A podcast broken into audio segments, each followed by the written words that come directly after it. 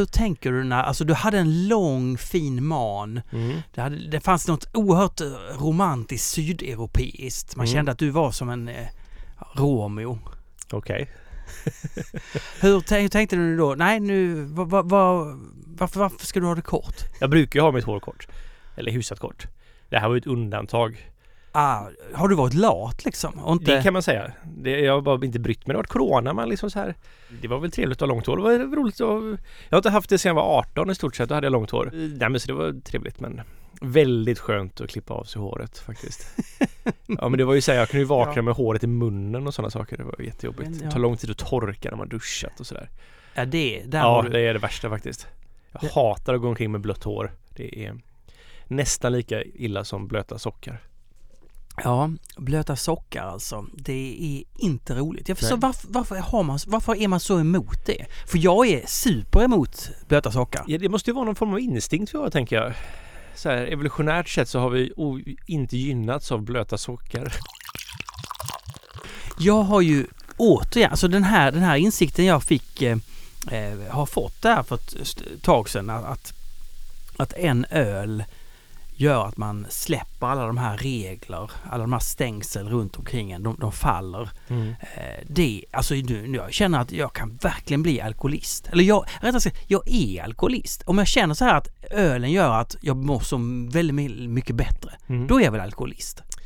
Nej, det tror jag inte. Okej, jag är alkoholist om Ja. jag också agerar på detta hela tiden. Alltså Ja, att då det kanske du- dras in i att nej, men jag måste ha en öl. Det finns väl någon form av gränsdragning som är som så här, så här efter, om du gör det så här ofta så att du mår, eller så här att, och, ja, då har man en gräns där liksom. Så här. Går du över den så är du alkoholist. Ja. Men sen så det är ju, det är ju ett centralstimulerande ämne alkohol. Det är klart man mår bra av det. Det är liksom, Ja. det är liksom hjärnan vill ju ha det liksom. Och allting som alla belöningssystem aktiveras ju. Så det är klart man mår bra av det. Men det, det betyder inte att man ska göra det hur mycket som helst för det. det är, Nej, för det finns, ju, det finns ju också alla de här fakta hur, hur mycket det drabbar alltså samhället och på, alltså du vet våld, alltså när, när, när slåss man? Ja, men förmodligen när man har lite alkohol i kroppen.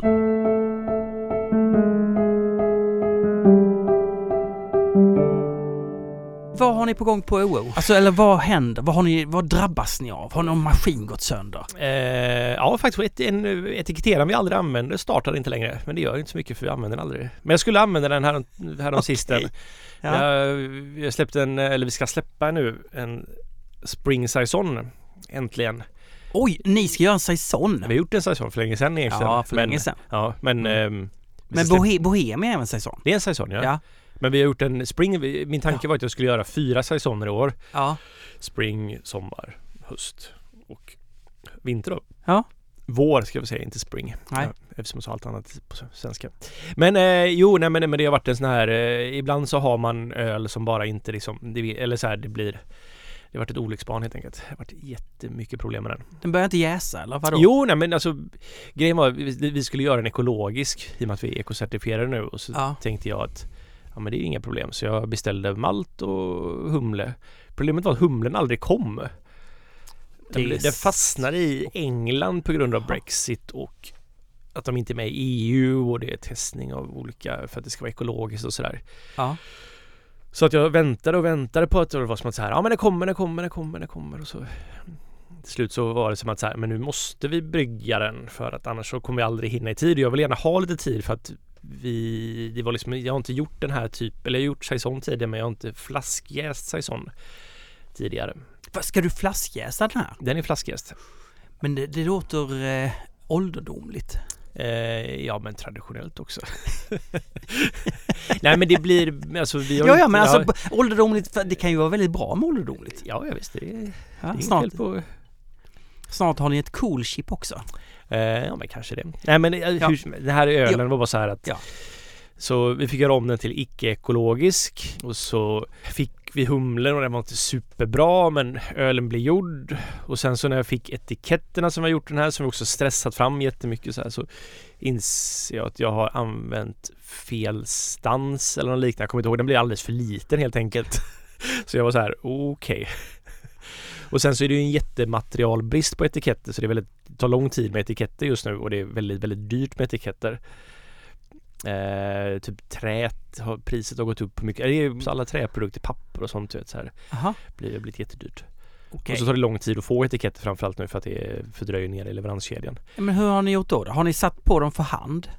Ja nej men vi fick etiketter slut men det blev ju så här att det var, vi fick skjuta på releasen och det Mm. var så här bara, det var en otroligt strulig öl. Och sen så var det första gången vi flaskjäste också, vilket var spännande.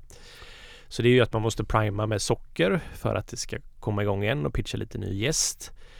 Och då se till att man för dess, man ska använda så mycket socker då, så, man, så mycket kolsyra man vill få av det sockret. Ja. Och då måste man ju veta exakt hur mycket öl man har som ska blandas då för att det ska bli rätt mängd och sådär.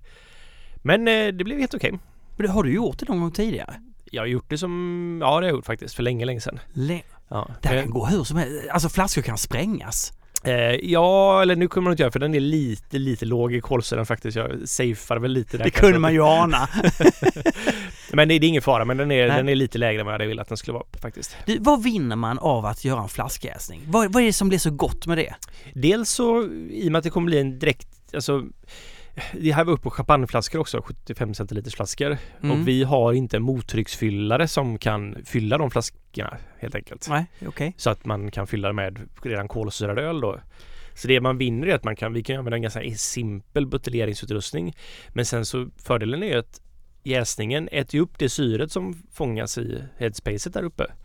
Så att ölen blir ändå faktiskt att den håller lite längre. Den håller lite Det längre. skapar en ganska tight och fin kolsyra. Ja, och det är där du skapar kolsyran. Det det du sa, Ja. Och sen så för vissa öl, till exempel saison, så tillför det liksom ändå en, en kvalitet på ölen som jag tycker om helt enkelt. Mm. Mm. Det här påminner mig om att jag såg eh, att du var i Stockholm. Ja, det var jag. Det var du inte hemlig om så att säga. Nej, det var ingen... Ni, ni körde någon tap takeover, alltså ni... ni, ni kraninvasion som Kran- det verkar heta, det verkar heta i Stockholm. Eller, eller är det en Stigbergs fotgrej? Jag vet inte. Kraninvasion. Jag tyckte det lät lite obehagligt på något sätt. Ja, jag gillar det. Ja, invasion. Ja, okej, men, men, ja, ja, ni, okej, ni serverade lite öl. Ja. Fick du träffa stockholmar då som, som Ja, men det fick jag. älskade din öl? Ja, de alla tycker de är jätte, jätte. Nej, men, ja. Nej men det var jättetrevligt var det. Men det var ju lite knepigt att göra det nu för att det är begränsningar fortfarande. Så man får inte gå runt och mingla på en krog till exempel. Nej. Så att det var ju som att så här, man, det, hela havet stormar. Att man så här, gick upp flyttade sig runt olika bord. Så här, nu är en ledig plats där, nu kan jag gå och snacka med dem. Utan Ja. att man så här, bröt mot reglerna och så här. Det var jättekomplicerat. Ja. Och samtidigt då så kan det inte vara lika många människor på krogen så att det blev ju faktiskt kö utanför vilket var lite tråkigt. Så att eh, Ja, men vänner jag har i Stockholm kom inte ens in och sådana saker. ja. Skulle Men, träffat Irina men hon kom inte Ja, ens in. nej. Nej. men, och, men eh, Henok verkar ha kommit in. Eh, i- eller ja, ja, jo det gjorde han. Precis det stämmer. Ja, ja, ja. ja han kom på slutet gjorde han. Ja, det, Ja. ja. vad, vad snackar ni Ja. om då? I snack om öl för det mesta faktiskt. Tror det eller ej. Ni pratar inte om så här familjerelationer och, och ni ska inte, ni ska inte liksom dju, dju, djupa ner er lite grann alltså? Få en liten tyngd i era samtal? Det kan man väl ha med öl också Martin? Du, du, jag såg att du var och besökte Stockholm Brewing. Mm. Berätta om det.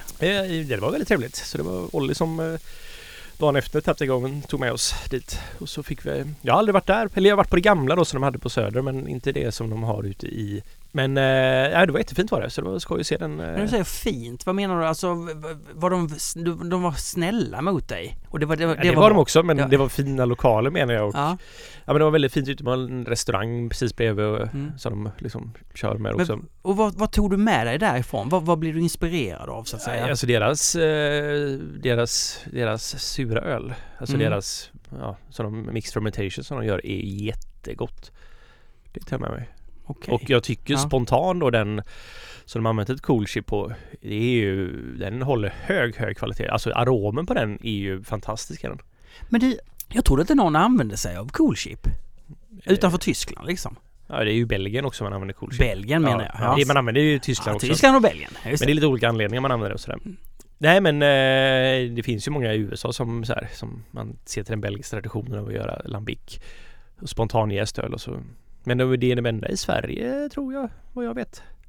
Det kanske finns något litet också som gör det men Mm. Men det är ju, de använder ju då så att de kör ner vörten i coolshed, ställer det på lastbryggan och så låter det stå över natten och så får vildgästen inokulera det. Okej, och det är det, det är det belgiska sättet att använda sig av ett cool chip. Ja. Alltså man vill ha in mycket skit i ölen så att säga. Ja, man vill ha liksom det, det som finns i omgivningen. Ja, just det. Men det tyska sättet är mer att vi ska kyla det här snabbt Mm. och då är det bra att ha en stor yta. Plus då att man sedimenterar en del av eh, varmdruvet där också. Varmdruvet. Precis. Vad är ett varmdruv? Det är eh, när man kokar öl eller vört så blir det mm, koagulering av massa proteiner.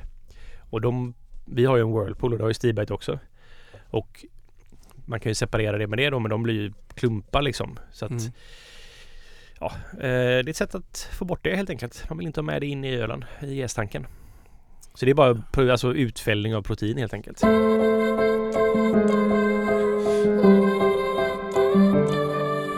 Vilka blir du inspirerad av, kanske lite irriterad på idag för att de är så duktiga? Eller, alltså, eller sa- saker, eller du känner, de gör någonting som jag gillar. Jag, jag, ska, fan, jag vill också ta mig åt det hållet. Eller, Mm. eller se, ja. Finns det några sådana? Ehm, jag, ska, jag, jag blir inte så irriterad längre när, när andra bryggerier är duktiga faktiskt. Jag blev Ah. det lite mer förr skulle jag nog vilja säga. Okej, jag så. Nej men det, nu känns det även om det faktiskt är mycket högre konkurrens idag så känns det ändå som att man faktiskt Ja men jag vet inte. Eh, för förut, för några år sedan så var det som att det kändes som att var man ett hantverksbryggeri så gjorde alla allting liksom på något sätt. Mm, Liksom alla mm. ville, man, man visste inte vad så nytt på något sätt så man visste en, Nu har man lite kanske mer nischat sig på olika sätt liksom. Mm. Och är någon duktig på sin nisch så är det bara roligt liksom. Det känns som det är bra för öl i allmänhet. Ja, vi såg ju det med bräckeriet. Att, att, I och med att de började göra sin öl så bra så fick, tog de ju också den positionen och, Mm.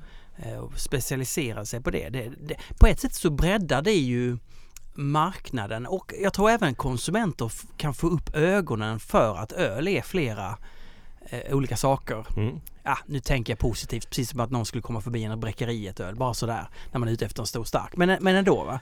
Jo men det, alltså det lilla gör ju att det sätter sig någonstans i medvetandet hos några människor i alla fall. Eh, Mr Maltqvist, vad är en bra inköpsport för att lära mina kompisar som bara dricker fulöl, eh, lager, eh, och cider och dricka bra och god öl? En bra inkörsport. Alltså något, något mer hantverksmässigt kanske man kan säga. Eh, jag, jag, det har ju varit IPA väldigt, väldigt mycket tycker jag som är inkörsporten. Jag skulle också säga... Rent generellt, alltså alla är ju, det är ju liksom upp till individen men ibland så kan det ju vara svårt att få någon som dricker bara stor stark att betala mer för en pilsner som är hantverksmässigt gjort. För att det är ungefär samma Mm. fast dyrare. Tänker också det. Ja. Jag, jag tror ju på den här, de här väldigt tropiska, icke-beska iporna. Att det är lätt att ta till sig. Mm. Sen så lite mer och mer, alltså det finns en Det känns som det här liksom lite mer brittiska lågalkoholiga ändå, alltså en bitter och Mm. den typen av öl kan också funka ganska bra som inkörsport idag faktiskt. Ja, det, skulle jag säga. Men... För det är fortfarande någon form av kvalitet av lättdrucket men med en ganska tydlig Alltså en smaktydlighet som jag känner är ganska viktig. Mm. Och jag tänker vår, vi har gjort den här Citra Golden Ale nu som är som en ny iteration på, vi gjorde Hopback Golden Ale som också var gjort med Citra men då var det Hopbacken bara, nu har vi torrhumlat en Golden Ale också. Och jag är svinnöjd med den men den blir ju verkligen som en så här superenkel brittisk Golden Ale fast med en modern arom av citra liksom. Mm. Det har jag svårt att se att många inte tycker är gott om man nu faktiskt ändå tycker om smaken av öl. ja. Men ja, brittisk öl kan funka. Det är ju så väldigt mycket upp till individen men jag tror brittisk, för där blir det som en så här, det är åt- åtminstone något annat Mm. än stor stark och det kan ju ibland vara det som behövs. Att det liksom inte smakar som det andra för att det ska vara som att någonting klickar till. Och jag tänker då också att så här om man har någonting som är ja, smaktydligt som en bitter till exempel kan vara med gärna lite mer maltighet eller typ som en ja, en Golden Ale som har ganska mycket eh, aromhumle och sådär så blir det fräscht och ändå inte för långt borta från vad vi är vana med. Och känner att det här är någonting helt annorlunda och det här är gott. Nu pratar vi ju som att priset inte har, spelar någon roll. Men jag menar en stor stark kan ju kosta 32 spänn ute på krogen. Mm, ja, herregud. Eh, och sen plötsligt ska jag då ta en, en hantverksbitter som kostar 89. Mm. Eh, en IPA som kostar 110 eller vad det nu är. D- Då är det så att Goshem bryggeri, Goshem, det kanske är Gös, Göshem bryggeri. Nej, jag tycker priset på hantverksöl har skenat iväg. Mm. Eh, Är det rimligt att en öl kan kosta 50, 70 och över 100 kronor? 50, 70. Ja, kan det kosta 50, 70 eller över 100? Det vill säga den kan kosta 50... det beror Alltså- på. Den är helt enkelt eh, lite dyr. Ja, det... Är den det? Ja, generellt sett så skulle jag nog säga att det, det är ganska dyrt faktiskt som jag också kan reagera lite på. Men det är också är lite för att vi har just den här grejen att det är som en IPA en New England IPA som någonstans är kanske standard hantverksölsprodukten idag. Och den är fan dyr att tillverka. Plus Ja. att den gärna har lite mer alkohol och vi har en väldigt hög alkoholskatt som inte är differentierad i Sverige. Och då kommer det kosta rätt mycket. Men skyller du på staten lite grann här? Nej, det är, jag skyller på konsumenten själva i sådana. Nej, det gör jag inte. Men alltså i och med att det alltså New England-IPA är ju med mycket, mycket humle. Humle är väldigt, väldigt, väldigt, dyrt. Ja. Så vill man ha det så är det vad det kostar liksom. Och det har ju kons- alltså Det finns ju, har ju varit en trend av att man vill ha mer och mer humle. Mm. Vilket då har också gjort att priset kommer gå upp och upp på på New England IPA. Men ehm, jag tror att vi kommer se en lite prispress på hantverksöl snart. Du, Det är ett av de sätt, det är så hög konkurrens nu så att det kommer Ja. bli ett av de sätten man kommer kunna konkurrera på. Och då kommer det vara många som inte hänger, hänger med heller. just det. Men jag ser det som en bra grej att den här trenden med just sessionöl, att man har lite mer låg alkohol i öl. Det kommer göra att priset också blir för då kan man inte ha lika mycket humle, humle till exempel. Det går, alltså det blir inte gott om man har lika, torrhumlar lika mycket som man gör i New England IPA på 7% Nej, det är sant. Där har, där har du en möjlighet. Men jag tänker att, eh, jag menar, krogarna, de ska ju driva sina, de, de lever väl ofta på, på alkoholen. De Mm. lever inte på sin mat direkt. Eh, och, så att de har ju ett incitament att ta det dubbla priset. Och, alltså, det borde vi dubbla inte, räcker inte. Nej, det, räcker inte. Borde vi då inte ha statliga krogar som ser till att svenska folket får Alltså vi har typ av Soigel bryggerier som ser till att varje medborgare får bra hantverksöl. Ja. Jag tror inte det hade blivit så om man hade De kan nog förvärva OO som, alltså de tar in er, ni, ni, nu ska ni, nu är ni ålagda att leverera eh, en miljon öl till, till Västra Götalandsregionen. Ja. Eh, Och så säger de och de måste göra det till det här priset det här och då måste vi ju skära ner på allting och kommer göra mycket, mycket sämre öl Martin. nej, Så vi kommer all öl bli ungefär exakt likadan för att det kommer finnas någon som sitter och bara så här bestämmer över vad som ska... alltså okej, så Ja. slutsumman är egentligen, ja hantverksöl kostar ganska mycket och det, det, det gör den just nu och det ska den göra. Ja, det är lite rimligt. Eh, men jag, jag tror vi kommer se en prispress på hantverksöl. Sen så vet jag inte om det kommer synas så mycket på restaurang. Alltså en IPA kommer fortfarande att kosta vad den kostar liksom. Alltså ingenting. Och just nu ser det så här, det är väldigt problematiskt för oss med, med hela den här pandemin. Så har alla våra råvaruingredienser gått upp. Burkar är svårt att få tag i som fan. Och det har gått upp väldigt mycket i pris på burkar och eh, ingredienser går ju alltid bara uppåt med tiden. Vilket är rimligt. Men sen så till exempel etiketter har blivit enormt mycket dyrare. Så vi kommer nog se att det blir dyrare på grund av att allting är lite dyrare men samtidigt så kommer vi ha ett priskrig lite grann eller att det kommer, man bör, kommer börja konkurrera mer och mer på pris. Samtidigt då som att det går mot lägre alkohol där man också har lägre alkoholskatt. Så att det kanske bara är status quo helt enkelt. Det är två olika krafter som kommer slåss mot varandra. Du, nu blir det kaffe. Japp. Så jag lyssnar på Snedtänkt. Ja, med Kalle Lind. Ja, just det. Han eh, intervjuade Staffan Ling. Mm. Kommer du ihåg Staffan och Bengt? Ja. Alltså jag blev så jäkla inspirerad av en sån liten galenpanna. Och då kommer jag att tänka på så här, ja men det är klart jag blir, jag är väl själv en liten galenpanna och, och när man ser sig själv, Definitivt. ja, men, när man ser sig själv så blir man glad. Det, det vill säga för det bekräftar en själv, ja men det är okej att jag finns och att jag är som jag är. Mm. Alltså är du med? Alltså, man, man letar efter sina likar. Mm. Det är så skönt. Det är skönt ja. Jag har också börjat undvika alla jobbiga nyheter på TV. Ja, det är... Att jag pallar inte. Nej, men det är... Men det gör jag är svag. Ja. Vinkelslip. Olle skriver han. Mm. Eh, tänkte brygga en saison till sommaren men jag vill inte att den ska smaka kryddnejlika. Mm. Eh, har du några bra tips på gäst? Vadå, har det med gästen att göra? Ja, det har det väl. Vadå, kan, kan gästen göra att, att det smakar kryddnejlika? Jajamän. Men hur, eh, okej. Mm. Det är typiskt det här med, med saison att det... Du, min, min fru sa så här. Eh, saison, det smakar alltid vete. Gör det det? Eh, Har man alltid i vete i Det saison? smakar ofta kryddnejlika, vilket är en ganska vanlig smak i tysk Hefeweizen, alltså veteöl.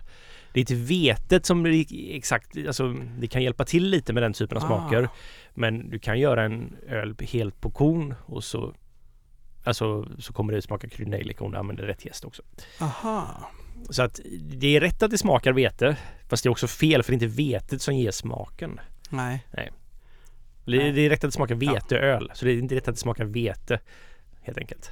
Aha, men, Ja. men vadå, så det är en annan gäst helt enkelt? Det vill bara ta någon annan gäst då? Ja, eller så här, men ofta så är, drar saisonjäst lite åt det och vi har det lite i den, till exempel vi snackade om tidigare, spring saison faktiskt, att det smakar lite kryddnejlika. Eh, man vill ju helst ha eh, de lite mer citrusbetonade frukterna av Ja. det, eller så här citrus, liksom friskheten med estrarna helt enkelt, inte den fenoliska karaktären av saisonjästen. Eh, mitt tips är egentligen, alltså jag använder ju 565 från Mm. White Labs som jag tycker är en väldigt, väldigt bra saisonjäst. Jag gillar den. Ehm, det man kan försöka ju... Jag har fått, det här ska jag inte svära på att det är exakt så, men jag har fått inbillat mig att om man underpitchar lite så blir det lättare mer eh, estrare faktiskt av säsongjäst. Så det är mitt tips helt enkelt. Underpitcha lite kanske. Jagge har någonting att säga, Jagge har någonting att säga, Jagge har någonting att säga, Jagge har någonting att säga nu. Jag pratade förra gången om det vedervärdiga bäret köpehallon som inte har något som helst motstånd. Nu vill jag istället lyfta ett annat bär som har fruktansvärt mycket motstånd eh, men som samtidigt är extremt gott. Det är havtorn.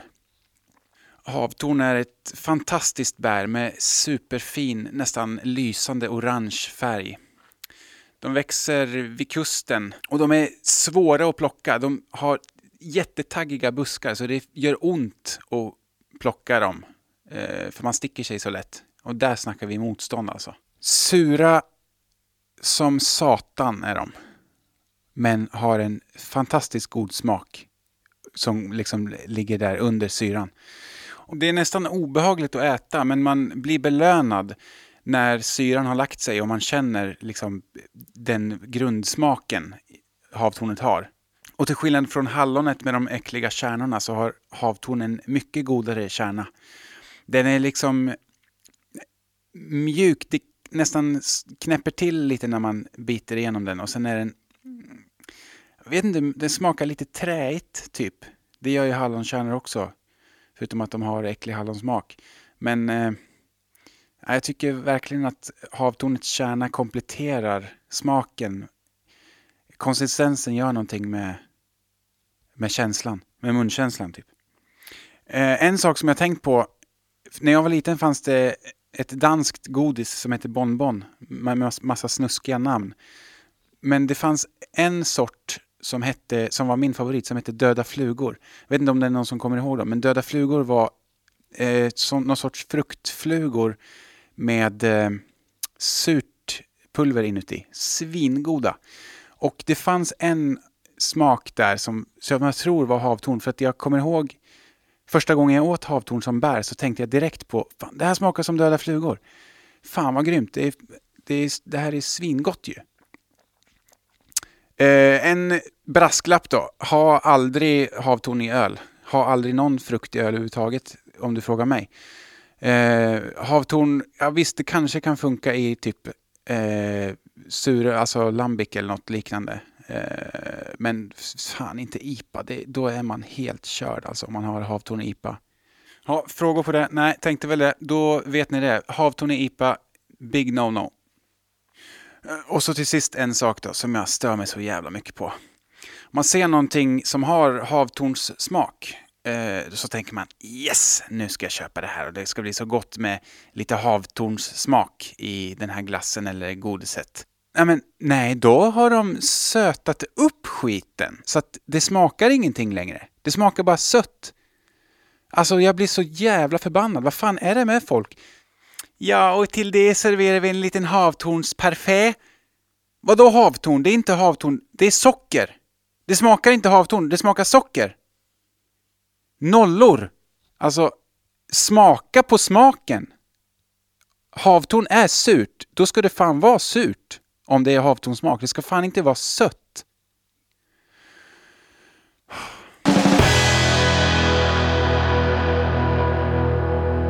Amy Ekström. Hur är det med Olles geografikunskaper? Det vill säga dina? Jaha, det, ja. Vadå, är de dåliga? Nej, det- jag har faktiskt långt över medel i geografikunskaper kan jag säga. Har du det? Ja, det har jag Ja, faktiskt. ja, det är... Ja, det kan jag med. Det är hon som jag sa bodde i Stockholm. Hon, Ja. hon tyckte att det var fel om jag säger att hon bor i Stockholm. Hon är bara väldigt mycket i Stockholm. Ah, Det är min kompis som jag inte ser som jag... alltså det blir fel varje gång. Ja, hon ska faktiskt hem på middag till mig imorgon så jag hoppas hon är nöjd nu. Eh, om du skulle brygga en cola med ett belgiskt bryggeri, vilket bryggeri skulle du kontakta? Och vilken typ av öl skulle ni brygga? Oh, den är... mm, Belgisk, då skulle ni brygga en nejpa såklart. Cantillon och en eh, Nape Lambic. nej.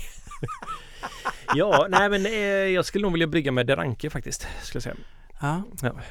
De Ranke. Yes. Du, jag drack eh, De Rankes XX Bitter. Mm. Jäklar vad bitter den var! Ja, den kan vara ganska bitter. Jag, jag, Svårdrucken. Ja, de, den var... Den släpptes ju på bolaget och vi har ju ravat om XS Bitter ganska mycket här. Jag vet inte om vi pratat, det känns som vi pratat om det här tidigare. Ja. Jag tyckte inte att de flaskorna som var här på bolaget var speciellt bra faktiskt. Nej. Nej, det var lite väl kärvt faktiskt. Och lite oxiderat också för den delen. Ja, det är mer Ja. något som man ska ha i matlagning. Eh, Ciderbryggaren Rickard Söderstedt. Är det ens möjligt att göra en alkoholfri IPA eller ale utan att den blir alldeles för söt? Mm. Jag, vänta, jag, jag trodde ju att den blev icke söt, att den blev extremt kärv när den är alkoholfri. Alltså tvärtom. Vad, men, vad eh, menar han? Ofta så smakar det väldigt vörtigt liksom och ganska sött. Aha, det är det Ja. som gör... Alltså det här med alkoholfritt, det är så här, vi, vi snackar öl i den här podden, vi snackar inte alkoholfri öl. Är Men Olle, är, är inte det en åsikt du kommer få äta upp om liksom? det, är det definitivt, det bryr jag mig inte om. Nej men det, alltså jag har ingen aning. Det är väl mitt svar på det. Alltså lite av poängen med göra öl är att det blir alkohol av det hela. Det är en viktig smakkomponent. Vet du vad som hände mig då? Nej, det vet du inte. Nej, hur skulle vi Nej, jag, jag gillar ju, jag gillar ju eh, de här, de här session iporna som, som Stigberget har gjort. Jag tyckte de, ja men det här, det här nailade de ganska bra liksom. Vi kom ganska nära någon sorts IPA-resultat. Vad, vad goda de är. Men så provade jag en vanlig IPA. Ja. Det var ju mycket godare. Ja, herregud. Ja. jo, men det är så... Ni, alltså, nu ska jag säga, ni gör ju väldigt, väldigt bra session på de här 3-5 av New England. Varje gång jag har provat det så har jag tyckt att det här, det här blir inte bra liksom. Det här, Mm. det här det, det är som att den typen av öl är jättesvår att hitta balansen på när man drar ner alkoholen. Mm. För att det är så mycket smaker som ska gifta sig och liksom hänga ihop. Medans till exempel då en, eh, vi gjorde bruksbitter i en 3-5 Mm. den blir bättre än den som var 4 Oh. Det blir liksom tajtare, det hängde ihop bättre. Vissa ölstilar passar bättre som 3-5 än Ja. och låg alkoholöl helt enkelt än vad andra gör. Ja, och det är ju väldigt, väldigt roligt på tal om det hur hela den brittiska ölpaletten passar så bra med de här lågalkoholiga. Det är helt, eh, det är helt, det är helt, vad tänkte jag på? Jo, nej. Jag, jag, jag, jag tänker, jag tycker jag börjar lukta illa. Mm. Börjar bli gammal då? Börjar jag liksom bli gjord för, börjar jag ruttna så att säga? Känner du, Jag känner inte det Martin. nej men du är ändå tio år yngre. Ja. Ja, Men jag- jo men det, jag kan också känna att man luktar lite sämre och sämre desto äldre man blir faktiskt. du, det här har hänt. Ja. Och det är att Ina har lämnat oss. Nej! Nej, och då kan man fundera på, men eh, vad är det? Tycker, tycker Ina så illa om oss? Vi har jobbat ihop i fem år. Men, men så ringde jag henne och ställde lite frågor om olika saker. Och då sa hon att hon är till och med tvungen att jobba på helgerna. Och är det någon som högaktar sin ledighet så är det hon. Mm. Är det någon som kan sjava omkring i sitt hem så är det verkligen eh, Ina. Eh, så hon sa, nej alltså vi, under överskådlig framtid så kan hon inte klippa det. För hon klipper inte ens sitt eget Flashback Forever längre. Intressant. Nej, hon- de, de har lejt bort det. De börjar bli stora, de börjar växa. Ja, ja. Och du, en annan sak som jag kommer att tänka på. Min fru sa till mig så här, du Martin, du ska tänka så här. Det svåraste vi har i livet, det är Mm. att byta riktning. Det är att ta ett beslut som stoppar den utveckling som du håller på med. Det är oerhört svårt att göra ett bryt i En någonting. pivot. En pivot, det är supersvårt. Det, Mm. det, är det, det är det som är jobbigast för oss människor att göra. Därför är det så himla lätt, därför är det så jobbigt att behöva, eh, man, man ska välja en ny skola till sitt barn till exempel. Då tar man ett aktivt beslut, man måste fundera på varför. Istället för att bara staten bestämmer det. Det är så jäkla skönt och bra. Det är samma sak med om du har en arbetsplats. Tänk om du hade olika olika, tänk om du hade olika eh, platser hela tiden. Eh, där, där du ska sätta dig varje dag. Liksom, du, du har inte din, din plats. Mm. Det är också extremt störigt och jobbigt att behöva ha det, ha det på det sättet. Mm. Eh, jag, tänker, jag tänker i och för sig det här på, jag tänker på Stigberget, hur de växer hela tiden. Eh, och att det, det kommer att vara helt omöjligt för dem att inte bli ett jättestort och ganska, alltså ett jättebryggeri som, som kanske förlorar sin, någon gång kommer att förlora sin själ på grund av storleken. Mm. För storleken gör att man inte, inte kan man, ja, man kan ju försöka men, men, men det finns stora problem som kommer med det. Där, att ta det beslutet, nej, här stannar vi. Och så stannar vi, det kommer aldrig att ske. Därför det är så oerhört jobbigt att ta det beslutet. Mm. Det är så enkelt att bara följa med strömmen. Det är ju väldigt speciellt med liksom att växa sig större än vad man kanske ville från början liksom. Men hela tiden Ja. så ändras ju ens egna Så är det också. Den är ju en flytande fråga vart Jag kommer ihåg när Nils eh, funderade på det här med att starta eget. Det är klart jag visste att de skulle göra det men det var ändå Mm. så här att han Det var en annan kostym de var tvungna att ta på sig och det kommer bli en ny kostym de behöver ta på sig och sådär men Det kommer ju förmodligen ske ganska naturligt för att man Det puttas framåt hela tiden Och sen såklart kommer det bli massa förändringar som gör att Ja hur liksom en arbetsplats är liksom strukturerad och en del av eh, liksom vad ska man säga, den här möjligheten att bara göra det man vill göra lite när man känner för det kommer bli svårare och svårare och sådana saker. Mm. Men eh, jag tror det Det var ju också kanske en tid som passade några år sedan bättre än vad den gör nu. Så att jag tror det kommer bli helt naturligt. Ja men Dan sa till mig så här, för jag sa så här, ja men alltså jag tycker de här Instagram-inläggen och sånt som jag håller på, de blir mer och mer reklamiga. Jag tar mer och mer snygga bilder med blänk i ölen och sånt där. Jag, jag börjar ju närma mig någon sorts och då sa, tittade han på mig, ja men Martin, har du, har du någonsin stått uppe på ett hustak och ropat ner med kapitalismen, ner med marknadskrafterna? Jag sa, nej det har jag inte. Äh, då kommer, då kommer du klara dig. Det, då kommer det gå bra. Ska vi släppa in Fredrik? Ja men det kan vi. Nej, du får vänta lite.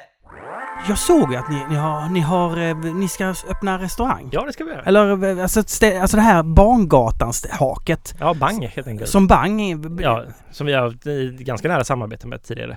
Ja. Som varit en väldigt, väldigt, Marcus som driver det har ju haft en liten, ja, lagat extremt god mat i en liten, liten hål i väggen ställe i stort sett. ja. Men det, och nu ska ni dri, driva det. Ja precis, så vi tar över den och det är jätteroligt faktiskt för det Men hur, hur gör ni det då? Det får vi, alltså vi har ju gjort det här tidigare så vi vet inte. Men, vad, men jag gissar att man kan dricka din öl. Ja, vi ser det här lite som att det kommer vara ett extended taproom för oss liksom. Kommer jag kunna dricka alla öl ni har? I... Nej, det tror jag Nej, inte. Men, eh, men många av dem.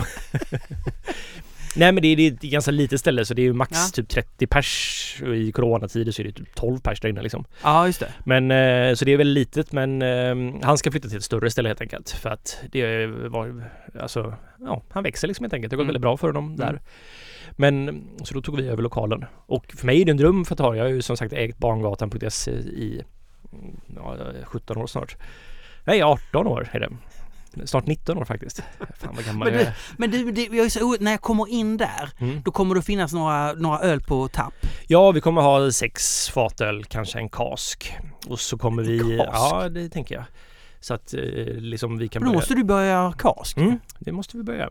Men det är ju ganska gött för då kan ju vi kontrollera det på så här och vi kan experimentera och se vad som funkar och inte. Så. Kan du göra kask? Vet Eh, du? det vet jag inte. Jag har jag har inte provat. Restaurang vet inte, kask vet inte. Ja, Okej, men det är vadå? Det är så man... Det, det är en av de stora grejerna med att driva företag. Man gör många saker man inte vet och så får man Ja. försöka bara göra det så bra som möjligt. Men eh, nej men det ska bli jätteroligt faktiskt. Men vi kommer ha en sex fatöl och så kommer det vara som en...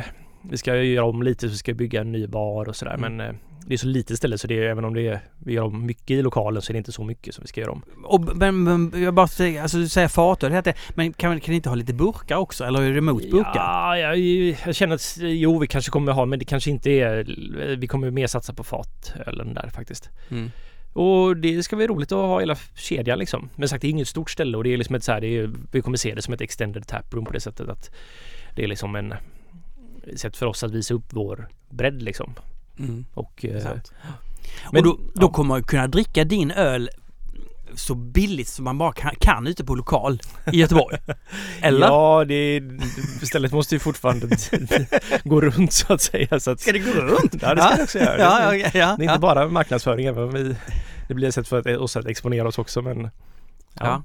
Men det är väldigt roligt för det är så här ehm, Ja men så här, anledningen till att jag registrerade Barngatan var för att jag brukade gå till ett café som låg där för länge, länge sedan. Jag brukade sitta där i solen efter jag jobbade på som brevbärare. Så slutade man vid tvåtiden och så gick jag dit och tog en kaffe efter jobbet på vägen hem. Var det anledningen till att du Mm. registrerade Barngatan? Ja, var för att jag satt där på det här kaféet i den här lokalen som vi har tagit över nu då och bara tyckte att fan vad fint det är här. Så här jättefin eftermiddagssol och grejer. Så det ska bli gött. Ah, Mm. okej. Men, ja, men det, och hur, vad, alltså jag tänker också på alltså Systembolaget som är den, är, alltså den stora födkrogen på något sätt. Hur många öl har ni där nu egentligen? Vi har tagit bort en del. Vi är liksom Barngatan är borta nu till exempel. För att den sålde faktiskt inte tillräckligt bra för att vi skulle kunna hålla uppe den. Mm. Och sen så är det ju lite, väldigt överetablerat på Systembolaget just nu. Med TSLS i och med Corona och att man inte haft någon provförsäljning så alla bryggerier. Så det är väldigt annorlunda premisser där liksom. Aha. Så att vi fokuserar mer och vi, släpper, vi fokuserar mer på Narangi nu. Till exempel, Mm. vi har lagt över den i beställningssortimentet så att och det är lite tråkigt för då tappar den alla sina butiker. Den hade ändå 10-12 butiker här i Göteborg som Ja. var i. Så nu är den bara i beställningssortimentet. Mm. Men hur, men det kommer ju gå till helvete. Alltså det är ju jättemånga som vill ha den. Ja precis. Men är det inte, känns det inte som eh, att gå ut på en väldigt slak lina här? Jo, lite faktiskt. Men det var ju så här, vi hade ju en sån TSV-release av den så den kom ju ut i jättemånga butiker och sålde jättebra där. Väldigt, sålde slut jättesnabbt. Ja. Men ehm, ja, och efter det kände jag att ja, men då provar vi att lägga över det beställningssortimentet. För då kan den ju kvala in också till fasta sortimentet. Helt enkelt. Men det betyder ju att det är ganska hög konkurrens där också.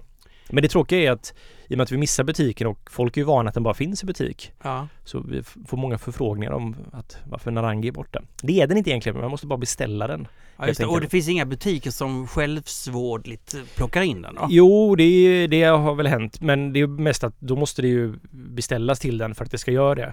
Helt enkelt. Så det är en sån födoloop där som är. Så vill man ha en Narangi så får man gärna gå och köpa den på, men för den finns på beställningssortimentet nu. Men då är det att man också man behöver köpa fyra åt gången. Men det är enkelt. väl inget eh, att snacka om? Nej, det Ska jag köpa en Narangi? Nej, nej. Man måste ju Ja. dricka en och så bara, var den verkligen så god? Nej, jag måste ta en till och så testar man sig fram. Ja. Men, men det är ju för oss för att testa nya vägar med Systembolaget helt enkelt. Mm. Och vi har även lagt över Bohemia där faktiskt. Ja, Så den finns bara i beställningssortimentet. Också i fyra kollin helt enkelt. mm, okej. Ja. Jaha, så det- okej, det är upp till alla ölpölen-lyssnare och rä- rädda in, så att säga, Narangi i det fasta. Precis. Så. Nej, det är, det inte riktigt men... Nej men vi får med att det är många som undrar var den tagit vägen någonstans. Mm. Och då är det att den finns där men Mm.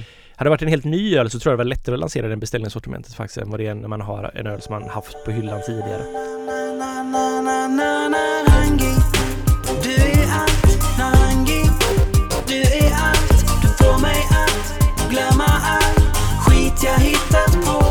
har ju beställt eh, några öl. Jag beställde Hopnotch, eh, Hopnotch öl och jag beställde eh, även Närkes öl och sådär. Det, alltså det är ju lite lyxigt när man får det här meddelandet i sms. Bara, nu, finns den här ölen. Så Mm. bara Ja, det är väldigt smidigt. Går man in till Systembolaget och så bara, ja, åh, Hälsinge. Ja. Hälsinge. Alltså jag tycker att Hälsinge, vi skulle kunna ha ett avsnitt om Hälsinge. Ja, alltså jag vill åka dit någon gång. Ja men det är ju det vi får göra. Vi, vi ska Mm. göra film, vi ska göra intervjuer. Det, det, det är precis som att jag inbillar ju mig att Hälsinge är lite grann som att åka söderut och, och besöka ett bryggeri som gör det på något väldigt ursprungligt sätt. Mm. Fast norrut då. Fast norrut då. Mm. Ja. Du? Nu kommer Fredrik. Nu kommer Fredrik. Nu dags för Fredrik att komma in och rädda hela skiten. Tjena Fredrik! Hallå, hallå. Vad roligt att du är här. Jag tycker du ser oerhört frisk och här, lite solbränd Ja, ut jag sådär. tänkte säga att ni, eller framförallt Olle ser frisk ut, han har klippt sig. Ja, jo, jo, ja, absolut. Jag känner inte igen honom. ser otroligt frisk ut alltså. Det, det är bra. Eh, Han ser nej, sportig ut. Ja. Mm. Ja, Men keps på är, mig är det också. bra med dig? Är det bra energi? Eh, ja, det är bra energi. jag, jag sportade igår första gången på länge. Ja. Ja, mellanchefssporten, nummer ett. ah, men hur, och hur var det? Ja, det- men det är ju kul, jag har spelat eh, tidigare. Det är en fånig sport som är rolig. Men hur, varför är den fånig? Ja, det är för att det har blivit så stort så snabbt. Ja, ja. Alla, alla hakar på någonting. Ja, och så har det blivit så här, det- det har ju fått en rolig image kring det där. Ja, Det finns ju ja. tre stycken snart på padelhallar på ringen. Ja, det är alltså på ringen tre stycken, jag vet bara en. Två, två Så till. på G eller? Ja. Aha, oj då. Vad ska hända alla, säger du padel alltså? Padel? Jag vet inte, paddel kanske man säger. Padel, padel. Det stavas väl padel? Eller? Ja, men som Ja. man säger padel. Jag tycker vi Ja, ska kanske börja säga padel. Padel Eh, men du Fredrik, till det viktiga. Vad är det godaste du har druckit sen sist? Eh, Jag drack igår igen faktiskt. Ett öl som var jättegott. Men, eh, det var inte bara för att jag inte hade druckit något. Men eh, jag- Nögnö har ju kommit med sin gamla IPA tillbaka. Nöjne. Nöjne. De var ju så här tidigt norskt, väldigt så här framåt bryggeri. Som eh, gjorde mycket väsen av sig. Vad- Ligger de i Oslo eller? Nej. De ligger faktiskt söder ner tror jag, alltså på den här lilla hängbuken som Norge har liksom. Ja men om Oslo är liksom Ah, ja. så kommer det liksom ner som en liten, ja men om man är, har lite som hänger över som ett skärp som är ganska tight där Oslo liksom och så hänger det över. Ja, jag, förstår, Ah. jag förstår precis. där nere, jag tror de är ganska långt ner söderut där. Okej, men ja, ja. Men du drack en... eh, Ja, men de har ju släppt sin eh, en IPA igen nu då som de Ja. gjorde sen, som är mer västkust-IPA som är svinbra. Det finns på bolaget nu. Den är jättebra i den. Alltså vadå, hög beska? Mm. Hög beska, ja men den är så jäkla snygg. Jag blev, jag blev så otroligt glad när jag drack den. Eh, Jaha. ja, så det var, sen har jag faktiskt druckit bra öl. Jag var på Omaka i Ja just Stockholm. det. Ja. Eh, för här i veckan. Gick förbi eh, och provade deras öl. Så det var kul att se det stället. Mm. Jag hörde väldigt gott om deras öl. Ja, alltså vi Jag har inte prova jag provade igenom allihop och eh, ett par var jättebra. Eh, några öl är väldigt så här kul. Eh, Ja, så- ja, men ge, ge exempel. Eh, Hon, hon kör ganska, Omaka det är ju eh, Hedda Spendrups eh, projekt, ligger på Östermalm. Eh, hon gör mycket så här mycket smaksatt öl. Eh, vi har pratat om hennes öl tidigare. Ta- Tank, hon, hon skriver inga ölstilar utan det är ett namn och så är det en beskrivning sådär. Eh, och så det är mycket, mycket som är smaksatt. Och hon har väl sagt att hon vänder sig till kanske folk som traditionellt inte har druckit öl så mycket och sådär. Ehm, och en del av de smaksatta ölen var jättegoda, en del var inte alls min smak. Ehm, och några saknade lite syra och sådär. Men om man ska ha frukter tycker jag man ska ha lite syra och sådär. Men några var jättebra, pilsner var superbra. Hur såg publiken ut? Väldigt speciell. Det var också en sån reflektion att eh, det är ett jättefint ställe, så här snyggt liksom. Och designat. De har lagt ner mycket pengar. Har du varit där? Nej, jag har inte varit där än. Olof ner, var där för ett tag sedan. ja, mycket pengar på, på att designa upp där. Det är snyggt liksom. Och det är en helt annan publik än vad man normalt ser på ölställen liksom. Och det var lite uppfriskande och roligt. Alltså en överklasspublik. Verkligen, det var mycket så här. Eh, vad heter sådana jackor? Som är så här hästfiltsjackor från Östermalm. Vet du vad jag menar? Så här, med sånt liggande Ja, jag vet precis vilka. Jag har Ingen aning vad det heter dock. Underbart. Dyra jackor. Eh, mycket tjejer, kvinnor var där också. Eh, så det var, en, det var en annan publik än vad man normalt sett. Så det var ju lite uppfriskande liksom. Eh, så det var så pilsten där, Omaka Mamma hette den. Den var god. Och en smart smaksättning vill jag bara säga av en gåse. För jag har ju, ibland skojar jag om gåse när man gör fruktjuice av gåse. Ja. Men här var en gåse som var med, för den är ju salt och sur. Mm. Och då hade hon eh, sälta då och sen hade hon och sen krydd, det ska vara lite kryddad också med eh, sellerisalt Ah, och vad heter den eh, som är lite lik selleri, en, en eh, grönsak som man har i det? Fänkål. Fänkål var det i. Fän, alltså, och sådär. Den var väldigt bra. det kan jag tänka mig. snygg. Jag, jag har faktiskt druckit gås med selleri salt någon gång. Ja. Och jag för mig jag tyckte det var väldigt gott faktiskt. Jag älskar ju dock selleri också. Ja, så jag vet inte om det var sellerisalt men det var ju salt i och selleri och fänkål. Så Ah, på okej, något vis var det, det blev en sellerisaltkänsla. Ja. Som funkade väldigt bra.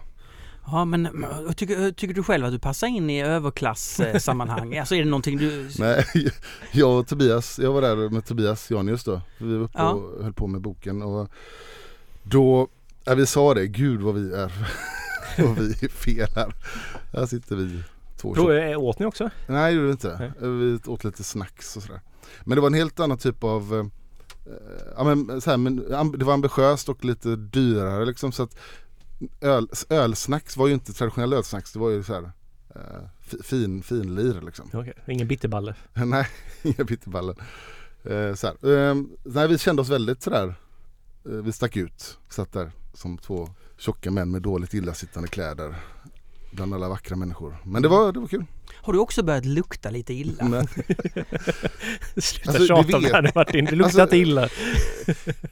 Det, det vet man ju inte. Alltså man känner ju inte, vad, man känner ju inte sin egna lukt riktigt. Det är ju det som är problemet. Det, hade man känt sin egen lukt hade ju folk inte gått runt och luktat så illa som de gör. Eller hur? Nej, nej, det, nej precis det är sant. Det är sant. Men däremot känner man ju sin andedräkt när man har på sig munskydd. Mm. Mm. Det, Det var en jobbig upplevelse. Det har varit ett uppvaknande för mig själv. Ja, ska vi eh, berätta lite vad som har hänt sen sist? Eh, Vi gjorde ju en resa. Ja just det. Just det. Eh, Det är ju inte helt hemligt. Men vad, vad, vad hände? Det, det undrar jag med. Ja, hur gick det här till Fredrik? Ja, det var en ölpölen fyller fem år i, i sommar. Ja, så är Mm. det. Helt sjukt. Ja, och jag har inte varit med i fem år, två och ett halvt år. Men jag känner mig ändå som att jag är med och fyller, fyller år lite grann. Så eh, då pratade vi om att vi skulle ha, göra något event och vi pratade om att släppa ett öl. Och sen sen kväll så drog jag ett meddelande till eh, Danny Prignon på Fantom. Jag skriver... Brukar du göra det? Ja men det har jag gjort ganska eh, många år sådär. Eh, Skickat- Alltid sent på en fredagkväll också? Nej men alltid, alltid när jag dricker hans öl. Så det är lite sån grej. Så en gång för många år sedan så var jag och åkte skidor i, i Branäs. och hade med mig en flaska Fantom. Då tog jag ett kort på den ute i snön och så skrev jag att this is a great after ski beer och. Sådana saker jag skickat till honom och han blev, blev jätteglad. Och det är så här, bara konstiga saker. Och så ställer jag frågor om han, hur han gör sin öl. Han svarar ju aldrig. Nej. Och så ibland skickar jag frågor så här, är det det här i? Maybe, maybe not. ja, fall, så jag tänkte så här, jag frågade, jag berättade om vad, vilka, vad vi gjorde och sådär och om han hade lust att brygga ett öl med oss. Och då sa han, why not? så startade det. Så det Sa han det? Och, why not? han var oerhört på alltså. Ja. Ja, men så, och, och det är det vi helt enkelt har gjort. Vi åkte till eh, Belgien. Mm. Ja, vi tog så här Ja. rese-coronatest. Eh, Vi uh, skaffade här intyg, åkte ner så jättesnabbt, var där. Mm. Och Danny var också vaccinerad. Ja, precis. Ja. Och sen snabbt tillbaka, så det var en ganska kort resa men Ja, det var ju mer resande än vad det här kändes som. ja det var det ju. Men den dagen, oj oj oj. Ja, Ja, det var en fin dag var det faktiskt. ja otrolig. Jag fick med mig så oerhört mycket av hela, jag fick en förståelse. Egentligen, vi, vi pratade ju så väldigt, väldigt tidigt Olle om om de här eh, belgiska farmhouse ale eh, bryggerierna och att det var det mest näst, ja men det, det var något som historiskt, något traditionellt. Det fann- fanns alltså väldigt... Ja, det är, ju- men just med Fantom så är det ju både traditionellt och inte traditionellt på något Mm, så här. Det, ja. det, det existerar i sin egna lilla öluniversum på något märkligt sätt. Mm. ja. Vilket är ju det som är fantastiskt med det. Mm. Ja, otroligt. Så det var en, det var en rolig upplevelse var det. Och väldigt, han är väldigt snäll och det händer konstiga saker. Ja, men det var väldigt, jag kommer ju aldrig glömma den här dagen. Ja men det är bra. Alltså vi, vi kommer ju köra vår femårsfest den 21 augusti. Mm. Om det går. Det Ja. hoppas vi väl. Om det går Ja det hoppas vi. så Ja. hoppas vi på det. Ja. 300, alltså vi tar in 300 sittande. Det får man göra. Okej, Det- Vi får ju ha lite... mm, det lite får man göra. Har du läst det? eller? Ja, ja, ja, Jaha. ja. 300 sittande, 50 eh, stående. Mm, Och du tror att folk kommer sitta ner? Ja det gör de då. Ja, det, det Tvingar är dem. absolut. Mm. Eh, nej men och då, då tycker jag att vi livepoddar om hela den här upplevelsen. Eh, och dessutom eh, premiärvisar den filmen som jag sätter ihop. Mm. Men typ så. Det blir grymt. Det är väl eh, helt rimligt. Eh, och det här med biljetter till detta, denna fest, det återkommer vi till. Det är ju lite hemligt och lite mystiskt. Precis som, som Fantom är. va? Man vet inte riktigt. Vad är innehåller det här? Vad är det i? Vad... Vet han själv det? Sy ihop ett, vi har tankar på vad vi ska göra. Program och sådär men eh, det är väl hemligt än så länge. Mm. Ja, alltså hem, det är väl någon som kommer att sprida det ut i någon, någon, belgisk tidning eller vad som helst. Det, vem, vet? Men, men, men absolut. Visst är det hemligt. Eh, Mm. Jag släpper ju hela eh, Kvasiplattan Just det. också. Mm. Och du har släppt en singel. Eh, just det, jag släppte 50-50 singeln. Har hela 143 lyssningar på Oh, Spotify. Jo då, jo då, den bara är en riktig raket. Ja men det var fint att lyssna. Vi lyssnade på hela skivan när vi var i, Mm, I bilen Ja, där i bilen i. Belgien. Mm. Ja. Ja, det men var schysst att få helhetskänslan. Ja, Precis, precis. Eh, Flashback Forever-låten har ju li- lite mer eh, lyssningar och det är ju ändå det man vill komma åt. Men jag tycker så här att om man om man vill lyssna på Spotify på, på, på Kvasi och 50-50-låten eh, så då kan man också följa Kvasi. Varför ska man göra det? Jo, för nästa singel kommer om en månad. Och om Kvasi har fler än 100 följare. Det här är så här sjukt system. Har man många följare, då har man större möjlighet att sen komma in på olika spellistor och sådär. Mm. Det är så man får hålla på. En grind. Nej, men då är det väl eh, dags för det här. Vadå? Helena Lind ställer en fråga. Den bästa frågan i världen. Det har hänt någonting med ölnamnen i Sverige. Nu räcker det inte längre med ett geografiskt namn, som såklart inte måste ha någon koppling till själva ölet. En snygg färg, blått, guld eller kanske grönt. Eller en ungefärlig beskrivning av vilken öltyp som burken innehåller. Vad är ens Bayerskt öl? Nej, för att sticka ut när kunden scrollar sig igenom Systembolagets listor så måste det mer till. Och här tycker jag mig kunna se några olika trender som jag är nyfiken på vart de tar vägen. För det första, ordvitsandet. Det ordvitsas både på svenska och engelska. Man måste ju tänka lite international. Man vill uppfattas som rolig och kanske även lite smart. Men tror ni att det finns en risk för att själva ölet inte tas på samma allvar om namnet är typ för tillskojat? Och har ni några riktigt bra eller dåliga exempel? Sen finns det nästa kategori namn som kanske mest är att se som taglines och som har väldigt lite med själva ölet att göra utan mer handlar om ett koncept. Men tror ni att det kan gå för långt även här?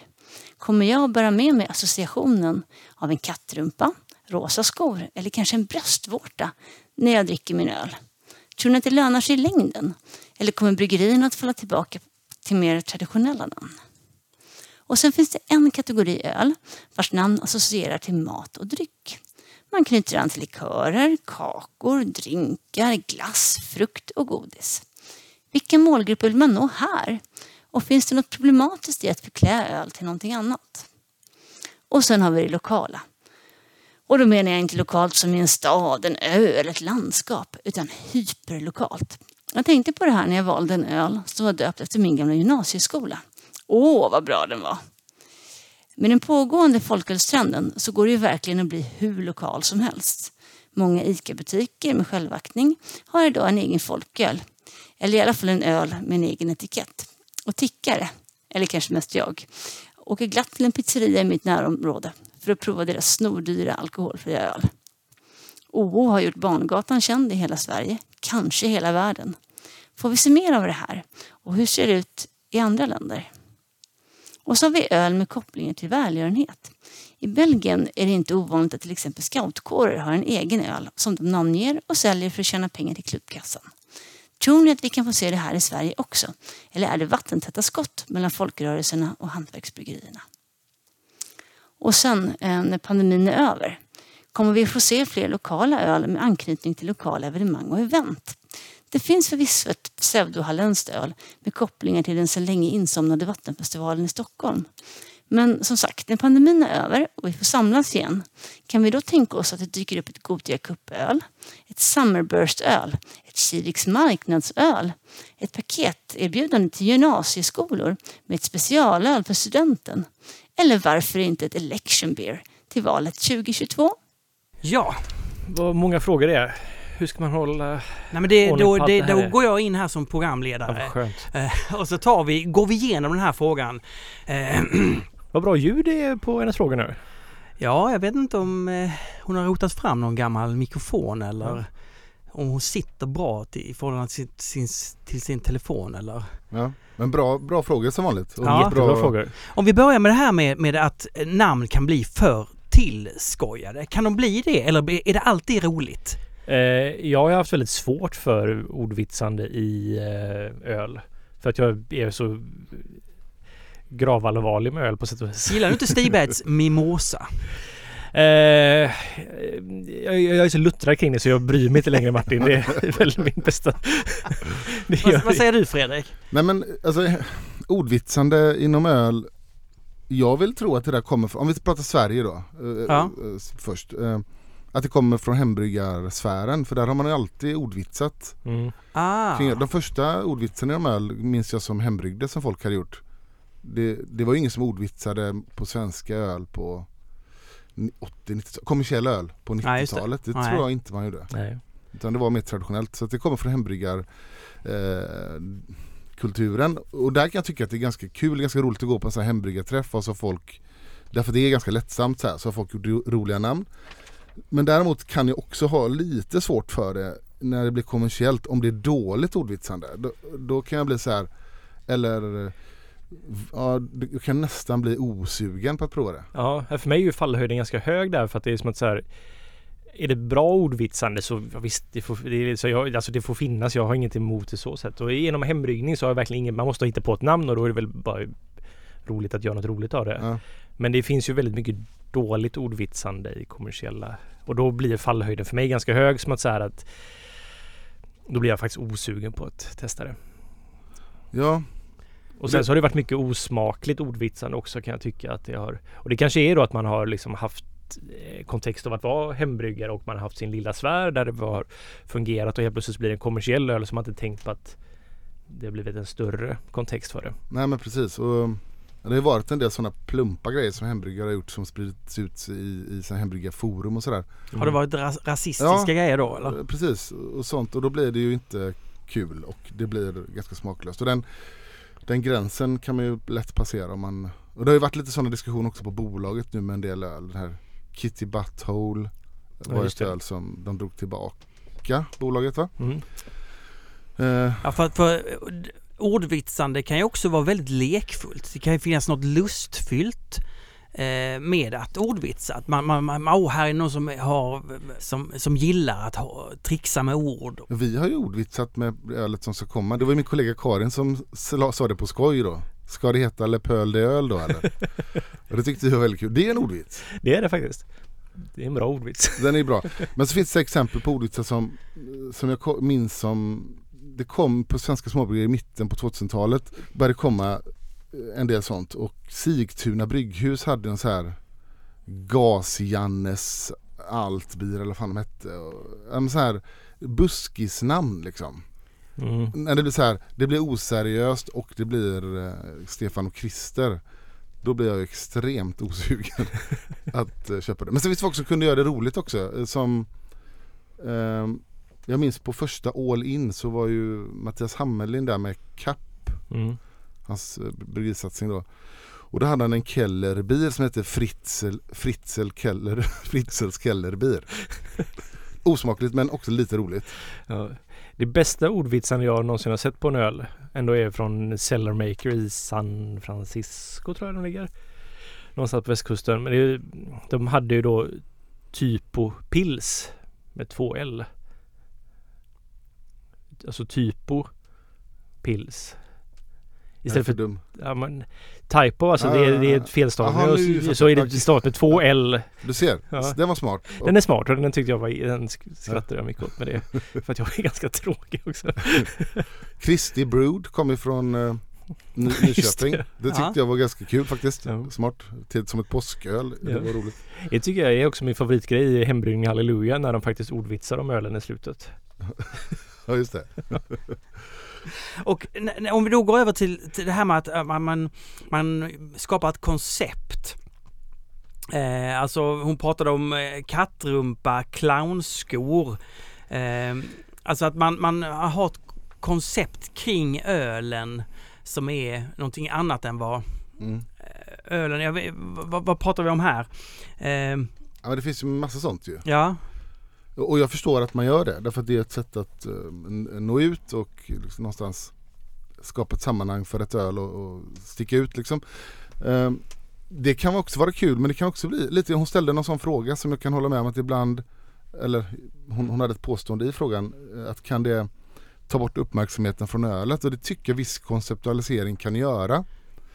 Ehm, och, ett gammalt exempel är det här, om ni minns det här belgiska ölet Kvack som man fick en sån här Mm. jävla träställning och ett märkligt glas liksom. Svinsvårt att dricka ur. Jättesvårt att dricka ur och hela, hela och jag tror att de flesta som dricker det de kanske inte ens näs- nästan tänker på vad ölet smakar utan det är ju bara en rolig grej och Mm. roligt glas och det låter när man häller och det är konstigt bara. Och det är klart det tar ju bort fokuset för ölet så det beror på vad man vill uppnå kanske. Mm. Ja men det är mycket konceptualiserande kring öl kan ju nästan slå knut på sig själv liksom. Ja men lite som Omnipoj och slushy grejs. Alltså vissa öl passar med det. Det ska faktiskt, och det är ju taget från Japan där man hade var en servering på baseballmatcher för att det skulle hålla sig kallt längre liksom när man drack. Men att det är liksom, det blev ibland som att så här, konceptet var viktigare än vad man faktiskt gjorde för någonting med det. Så jag har ju druckit vissa öl som är så här, det här ska man aldrig stoppa till den här grejen. Det här blir Ja, bara just konstigt. Det, det, men och det, då går vi över, kommer vi över till nä, näs- nästa, eh, det här med att man eh, knyter an till mat, alltså kakor, glass, frukt, godis. Alltså att man, man, eh, man har en överförings... Man pratar om en annan produkt egentligen. Mm. Mm. Ja, alltså det är ju det här, det är ju väldigt svårt. Det är ju det värsta med att ha ett bryggeri, att man måste komma på namn på öl. Mm. Jätte, jättesvårt är det.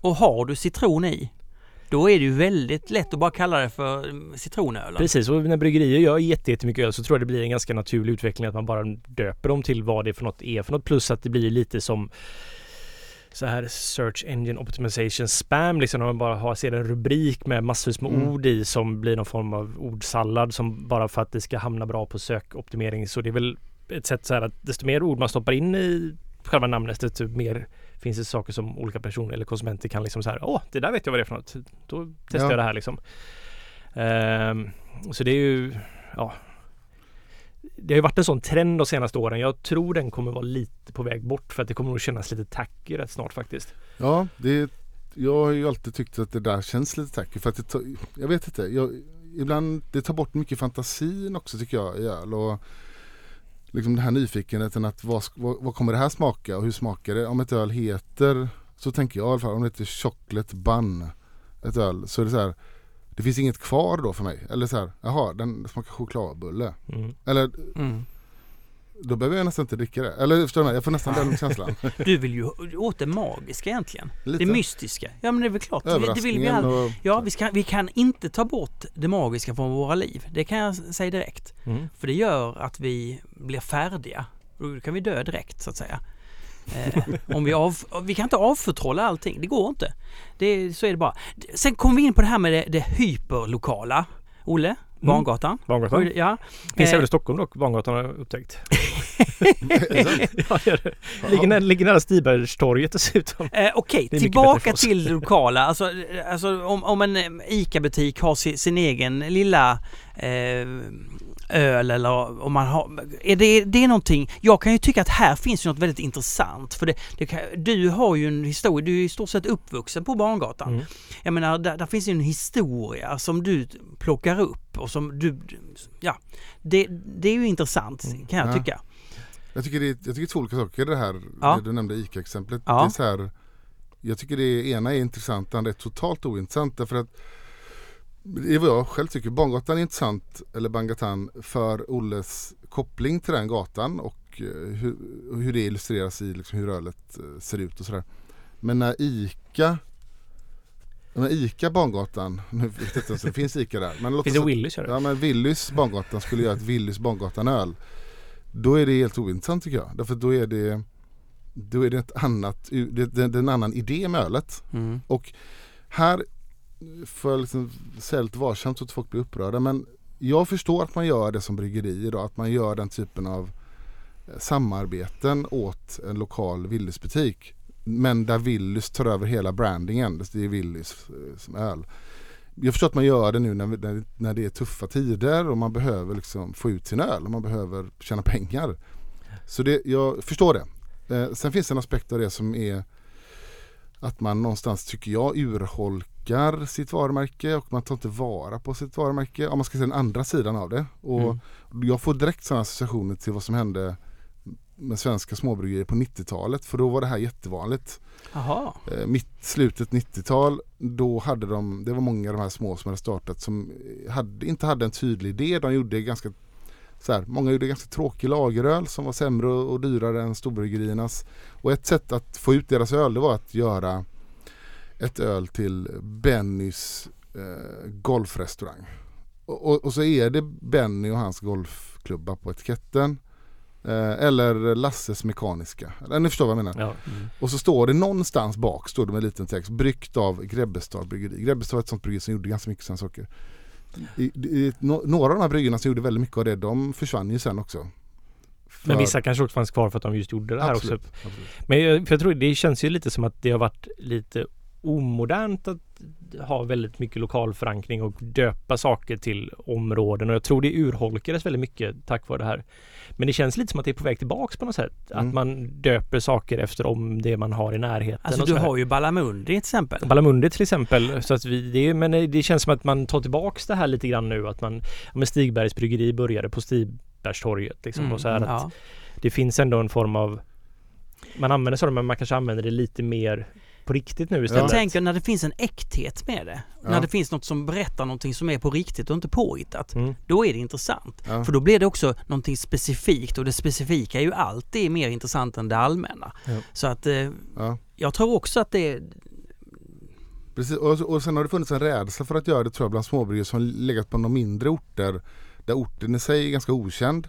Eh, om man döper det till den orten då har de nog tänkt att då kommer ju ingen annan i Sverige köpa det här för de har ingen relation till den orten. Nej. Det kan ju finnas lite den eh, kopplingen också men jag tror att så länge man kan bygga upp något intressant i den, i den har ju också Oppegårds med, med sin Exakt. turbo och sina olika... Ja, de har ju döpt efter till och med efter fotbollsplaner va, intill bryggeriet Mm. och, och sånt. Så att Ja. de har ju verkligen anammat det och gjort en berättelse av det. Så det, ja, det kommer nog mer. Mm.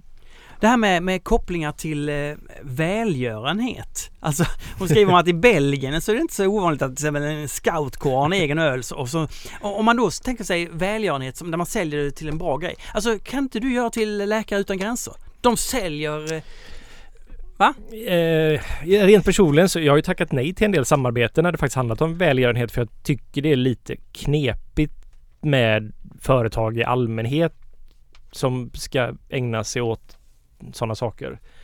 För att det blir väldigt svårt vad, varför man gör det. Att det kan bli lite så här, är det för att det ska vara bra PR eller gör man det för att man verkligen tror på anläggningen? Eller är det både och? Och jag tycker det är lite obekvämt. Då tycker jag hellre att då kan ett bryggeri donera Mm. pengar och inte säga någonting om det om de vill göra det. Helt enkelt. Ja, Det Det är, så det är lite så här, men sen så jag tror i Sverige så är det väldigt svårt att...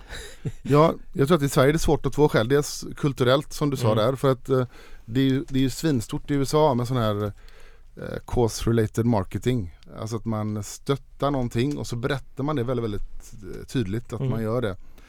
I Sverige, om man ser rent historiskt så har ju Sverige varit mer Politiskt har man i Sverige tänkt att eh, staten ska sköta de här sakerna. Liksom, Mm. Inte privata aktörer.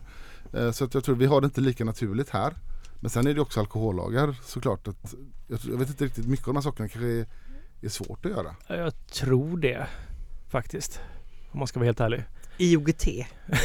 Nej, men det, det finns ju, det är ju svårt att få en naturlig koppling i Sverige till försäljningsställen. I Belgien kan man göra det för då kan du ha en, en scoutträff ute på en åker och så säljer de ölet på den åkern. Ja. Ja. Under Tänk sitt Girl. Scout cookies som de Ja. så här, knackar på dörren och säljer. Gör de det med öl också? Då finns det, någon, det finns någon logik men nu är det så här, nej men du får beställa det här ölet på bolaget, det kommer om en vecka. Det är, så här, om, det är någon konstig omväg liksom. Mm.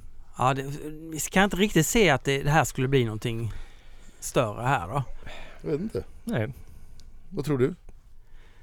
Ehm, ehm, nej, jag tror inte... Alltså då tror jag snarare att man kanske... Man skulle kunna tän- tänka sig tvärtom. Eh, Olle gör en öl, vilken som helst. Eh, och så säger han bara, ja, jag kommer skänka halva vinsten här till Läkare Utan Gränser. Eh, och då, då, är det ju, då handlar det mer om att företaget OO vill, vill, vill eh, inte greenwasha utan mer, mer eh, Läkare Utan Gränser washa sig så att säga. Och, eh, Jag har, jag har ju faktiskt en idé. Jag vill ju göra en, lite, en fiskölsserie. Och det här har jag funderat på om jag ska hitta något fiskevårdsprojekt som jag brinner det är för. klart ska hon göra en fiskölserie. Ja. Det låter helt eh, rimligt. Eh, ja. Det, det, Eh, vad tror ni om det här med, med alltså de här lokala evenemangen? Alltså vid Göteborgsvarvet, det är klart de ska ha en öl. Eh, Känns väldigt rimligt. Nej, men, kan, men, men alltså de här evenemangen som finns. Hon pratar om Vattenfestivalen, att de hade en egen öl och sådär. Mm. Det kan man ju verkligen inte. Har, har inte Göteborgskalaset, har inte de haft, har inte Åbro gått in och gjort en kalasöl Jag till har dem? faktiskt inte sett det. nej, Nej. inte jag heller. Men eh, Men det är ju, kommer ju väl en så här, Göteborgs 400-års jubileumsöl och Gör det det? sådana, tror det. ja, vilka gör den då? Eh, Göteborgs nya bryggeri skulle jag gissa. Okej, inte du då? Inte vi. Nej, för man kan ju tänka sig att det passar ju bättre, kanske lite sämre på idrottsevenemang, lite bättre på festivaler. Ja, Mm. Kan man tänka sig så eller? ja ja, jag fick tänka. Det, självklart är det så. Det känns inte som en jätteidrottsgrej, nej. Ja, men och, och, och valet eh, 2022 då? Ska, kommer de olika partierna ha olika öl? Jag, hade tyckt det var lite roligt om de hade det faktiskt. Då skulle det som så här, så här, det här tycker vi vår jag, ja, politiska men, identitet smakar. ja, men jag gjorde en sån grej inför valet när det nu var på min blogg. Det här var jättelänge sedan, 2009 Just det ja. eller något sånt, Ja. när det var ett val eller åtta. nio. Så gjorde jag en ett öl per parti. Det var samma dag man skulle gå, sista dagen man kunde rösta då var det. Och vad man skulle dricka då om man röstade på olika partier. Det minns jag. Mm. Att några blev lite provocerade av oss. Grymt, det var alltså världens bästa fråga. Ja. Tack Helena. Den bästa frågan i världen. Nu några snabba, korta, goa frågor. Sax på två. Om man vill köra en ölprovning med tema 90-tal, vilka öl skulle ingå då? Ja, men om det är öl som ska finnas kvar idag såklart. Eh, ja, eh, då ska man ha några av de svenska ölen som kom på 90-talet som fortfarande finns kvar. Nils Oskar God Lager exempelvis. Ja. Eh, den är ju en klassiker. Vi har eh, Bedare Bitter. Kom där 97 från Nynäshamn. Det är också en klassiker. Eh, för att få lite svensk representation. Sen ska man ha Chimay Blå från Belgien. Det var stort på 90-talet. Det var så här eh, största belgiska ölet och väldigt så här poppis och Olle drack det när han var på jazz. Eh, nej, på Nefertiti. Nefertiti ja. Ja. Sen eh, Samuel Adams tycker jag. Mm. Det var så här introduktionen till eh, amerikanskt öl för många på 90-talet. Mhm. Boston Ale eller Boston Lager? Jag vet inte, vad tycker ja. du? Ja. Boston Lager var den som jag... Men det var ju inte 90-talet men... Nej, men eh, den fanns ju då med. Så någon av dem, Boston Ale eller Boston Lager. Typ. Bra lista. Mm. Rutschilski 90, nya ölstilar. Hur ofta kommer de egentligen? Eh, New England IPA är relativt ny ölstil, eller hur? Men ändå ganska gammal. Varför är det så svårt att skapa nya? Med så pass många bryggare världen runt borde det inte vara så svårt? Alltså den är ju inte gammal. Det, den kom 2015, 2016. Det är Mm. inte länge sedan faktiskt. Nej. Ja, Ja, men, men det är det som blir, det, hela det här, Ja. exakt, hela åldersgrejen är lite så här är så konstigt för ibland när man, om, typ sån här Nögnö Mm. eh, så, Ja. så säger många så här ah, vilken ah, old style och old school va? men vad fan hur kan det vara det egentligen? Ja. Jag läste på Untapped här. Jag har börjat göra det lite igen för att jag vet inte varför riktigt. För att Men få hjärnblödning. ja, precis. Känner att jag är för nytt just nu så behöver jag liksom få lite mer eller så här, jag behöver få lite aggressioner. liksom så här. Jag brukar göra det för att peppa igång mig själv lite grann så här. Nej men eh, och då läste jag var det någon som hade druckit eh, Nova tror jag det var. Och tyckte inte det smakade IPA och vad fan var det här liksom? Typ att det såg ut som en pilsner var klar. Mm. Så kollade jag lite i den här personens så här i Untapped flöde och jag, tro, jag trodde att den tror bara att det finns New England IPA, inget annat. ja det är jättevanligt. Ja, Ja, ja, men det, och det kan man ju förstå att man tror för att man... ja det, är, det är fullt det man- rimligt egentligen. Ja. Ja. Men sen så, Men det har ju kommit, alltså det kommer ju alldeles för mycket ölstilar tycker jag personligen. Ja, Som försöks, jag tänker på Brutt-IPA Mm. som kom och gick väldigt, väldigt snabbt här nu. Liksom Quake Mm. kom och gick väldigt snabbt. Jag ser Quake-trenden som helt över. Eh, eller Quake-IPA framförallt. mm. Eh, och jag tänker på så här Belgo-IPA och Vitt-IPA var också så här grejer Mm. som testades men som aldrig fastnade liksom. Nej, och lite så här, i den experimentandan så har det kommit väldigt mycket öl där bryggerier blandning av nyfikenhet och lekfullhet men också lite så här självupptagenhet vill gärna vill etablera någonting nytt, något som blir en, en ölstil. Mm. Och det har ju gjorts tusentals försök känns det som, hela tiden. Men för att någonting ska bli, det är ju det som är grejen, för att någonting ska bli en ölstil så måste det finnas en relevans både för konsumenter men även en relevans bland andra bryggerier som börjar göra samma sak så att det blir en rörelse av det och då blir det ju en ölstil. Det är därför New England IPA är en ölstil idag. Mm. Eh, Men, det är ju även också typ så här Ja men en Belgo IPA är ju också en ölstil rent så här definierad men jo, det är den, den Ja, finns det jag. verkligen Nej, men som en ölstil. Så men jag tänkte han frågade om, efter, om nya, varför kommer det inga nya Alltså det ölstilar? verkar som att han vill ha en ny ölstil varje år som slår igenom och är stor. Och det, och det jag menar, det tar, ja. Jo men det är det jag menar och det görs ju många sådana många förs- försök. Det kan Ja. så här bli så här, men vi, för, vi här kommer den första marshmallow altbiren. Och så, och så ja men det är, ing, det är ingen ölstil bara för att du har slängt ner marshmallows i en altbil så är det ingen ny ölstil heller. Det krävs Nej. ju att det Mm. Det krävs en, det, det, precis och det ska ju bildas en egen historia kring det på något Ja. sätt och det ska bildas en egen kontext och det ska liksom det, det ska mycket till på ett sätt liksom och det kan inte ske kanske en gång per år till och med liksom, Nej. utan även om det försökt göra det så har det varit lite forcerat. Ja lite så.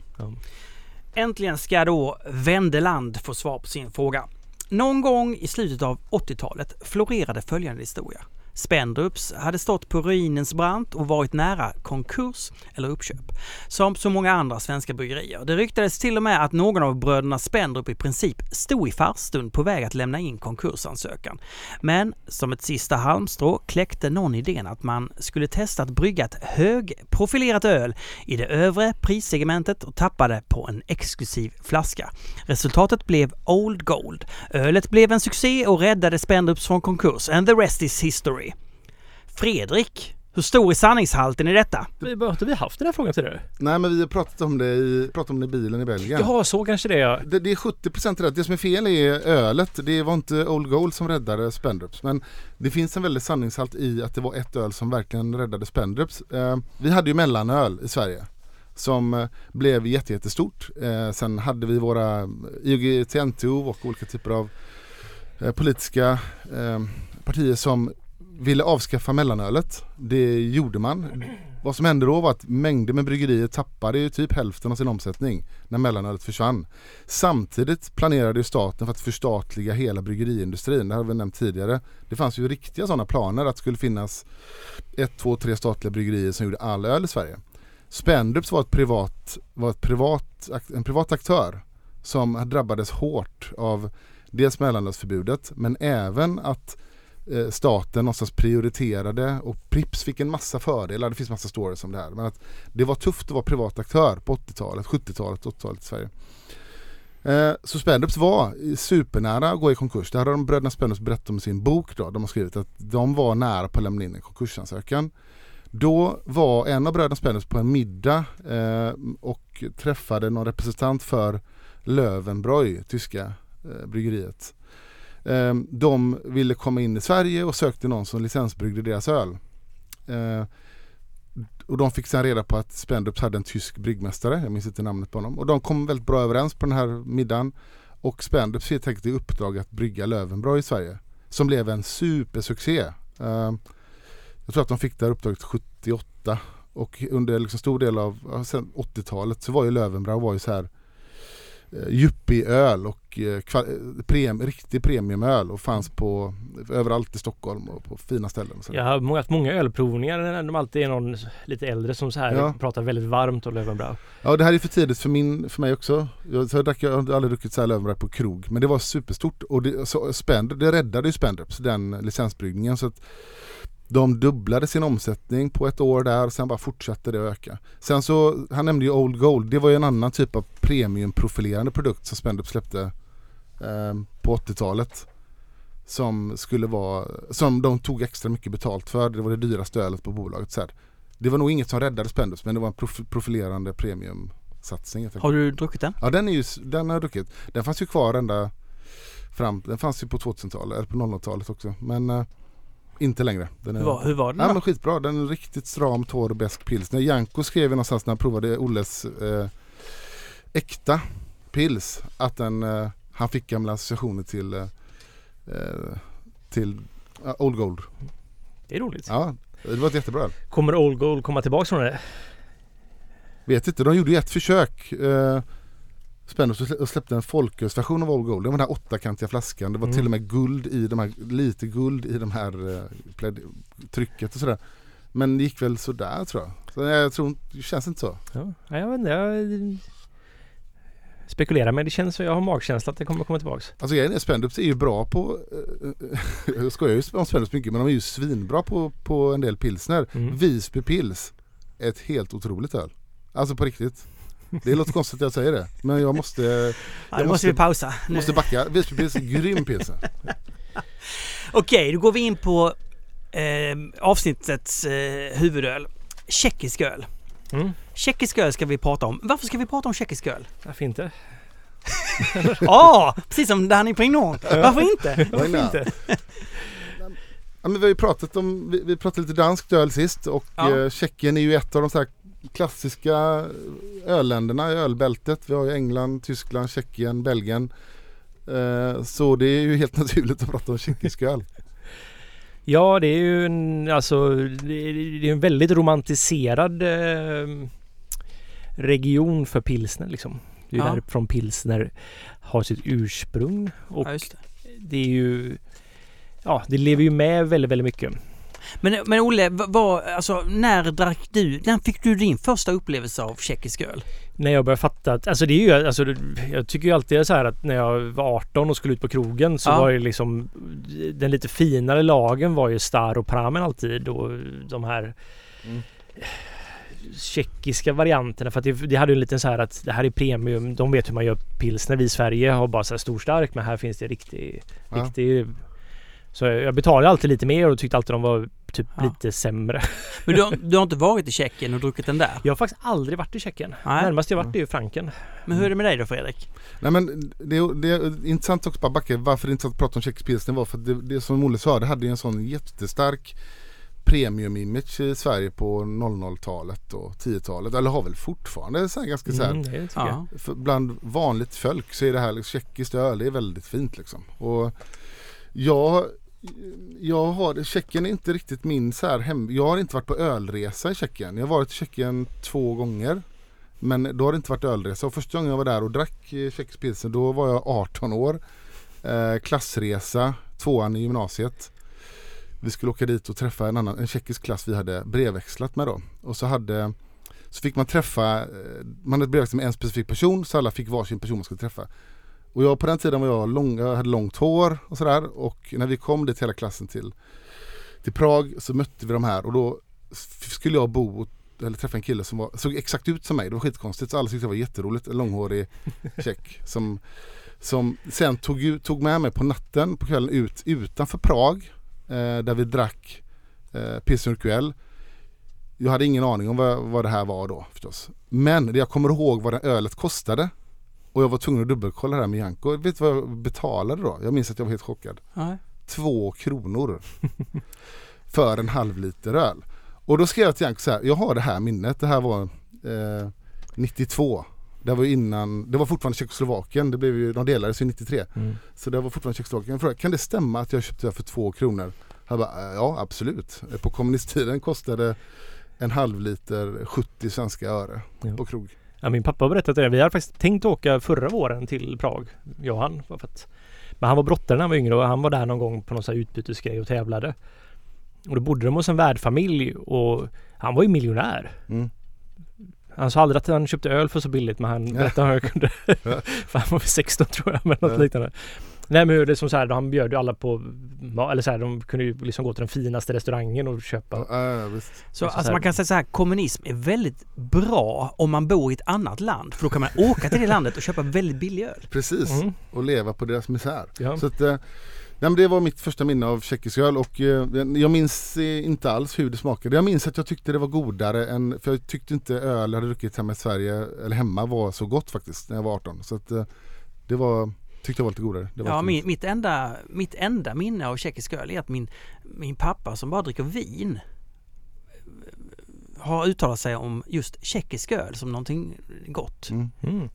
Det är också märkligt. Ja men den, den tjeckiska ölen lever ju verkligen i svensken som någon form av så här, det här är premium och vi vill ju alltid hitta det här någonting som är bättre än oss som vi kan ta till oss liksom. Och tjeckisk öl har verkligen passat in och importörer har ju spelat oss väldigt väl där kan jag Ja. känna lite grann.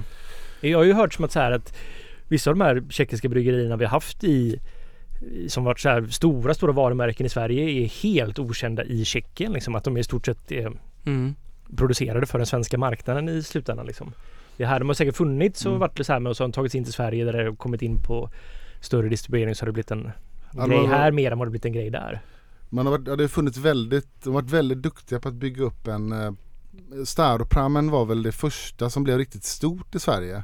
Eh, och som hade lite olika importörer på 90-talet och sen tog Carlsberg över det Mm. i slutet på 90-talet. Och de har ju var extremt framgångsrika sen under 00 och 10-talet och fanns Staroprammen fanns ju på alla krogar där, eh, där Carlsberg och Pripps och, och det fanns. Men jag hade ju så här när jag, min standardlager också när jag liksom började köpa mycket öl på Systembolaget så här som jag nästan alltid köpte var ju Brezjnak och Gambrinus. Ja. De var två öl jag tyckte väldigt, väldigt, det var med den här honungsaromen och sådär som jag verkligen uppskattade på den tiden i dem. Men om man, om man nu tänker sig eh, Tjeckien eh, som verkligen verkar vara ett öland.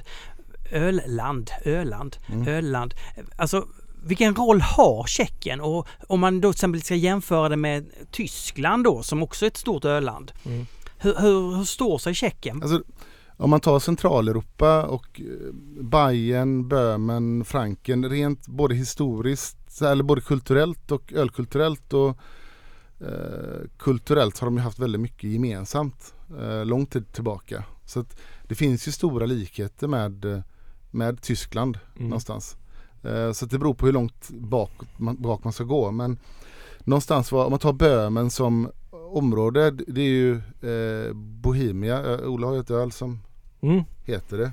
Det är ju en saison dock. Ja jag vet. Men det, Men det är ju en pilsnerhybrid på det sättet att så här, jag, det var ju en husöl jag gjorde här på Palazzot för att den var hembryggare bara för att så här, två veckor från bryggning till man kan Ja. konsumera och att jag tänkte bara men om man ger sig saisonjäst lite kallare så blir det lite mildare plus att man bara använder pilsnermalt och sass som man gör det. ja. Böhmisk pilsner och, och, men namnet då Böhmen som, som eh, är ju så här Bohemia är ju la, latinska namnet eh, för det. Och, och det är ju ett, om, det är ett kulturellt område som eh, spred, som fanns ett gammalt kunga, kungarike så att säga. Som, och sen när, om det var efter första världskriget när nuvarande Tjeckoslovakien bildades då blev Böhmen en del av eh, Tjeckien då.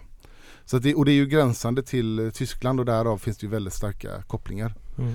Men medan Tyskland någonstans utvecklade väldigt mycket små eh, bryggerier, landsortsbryggerier, så hade utvecklade eh, Böhmen då lite färre bryggerier men större bryggerier. Fortfarande fanns det massa små men, men eh, Bayern var mycket mer, eh, vad säger man, agri, agrikulturellt Mm. någonstans. Mm. Ehm, och det tyska mörka lagret har vi också pratat om tidigare som blev så otroligt stort och blev industrialiserat i Tyskland nere i Bayern. De, de var ju och lärde sig hur man gjorde en ölindustri av, sin, av bryggning genom att vara i London, tyska bryggarna. De kom till, tillbaka till Bayern och det bayerska ölet blev mer och mer så här, industrialiserat och större och sådär. Så att det tyska ölet började också få väldigt stort inflytande i Böhmen. Och de böhmiska bryggerierna började någonstans ta inspiration av hur tyska bryggerierna gjorde. Men på den tiden, om vi pratar ändå eh, 16, 17, en bit in på 1800-talet, då var det ju mycket överjäst öl. Det fanns fortfarande eh, som kalljäst öl som, som bajrarna hade lärt dem hur man jäste i grottor och sådär i kalla, Mm. kalla källor. Och, och sådär. Så att de har jättemycket gemensamt kan man säga, rent kulturellt. Men sen har det ju utkristalliserat att när vi pratar tjeckisk öl, då tänker man ju sig, det nästan alla ser framför sig, det är ju en ljus lager, det är en pilsner.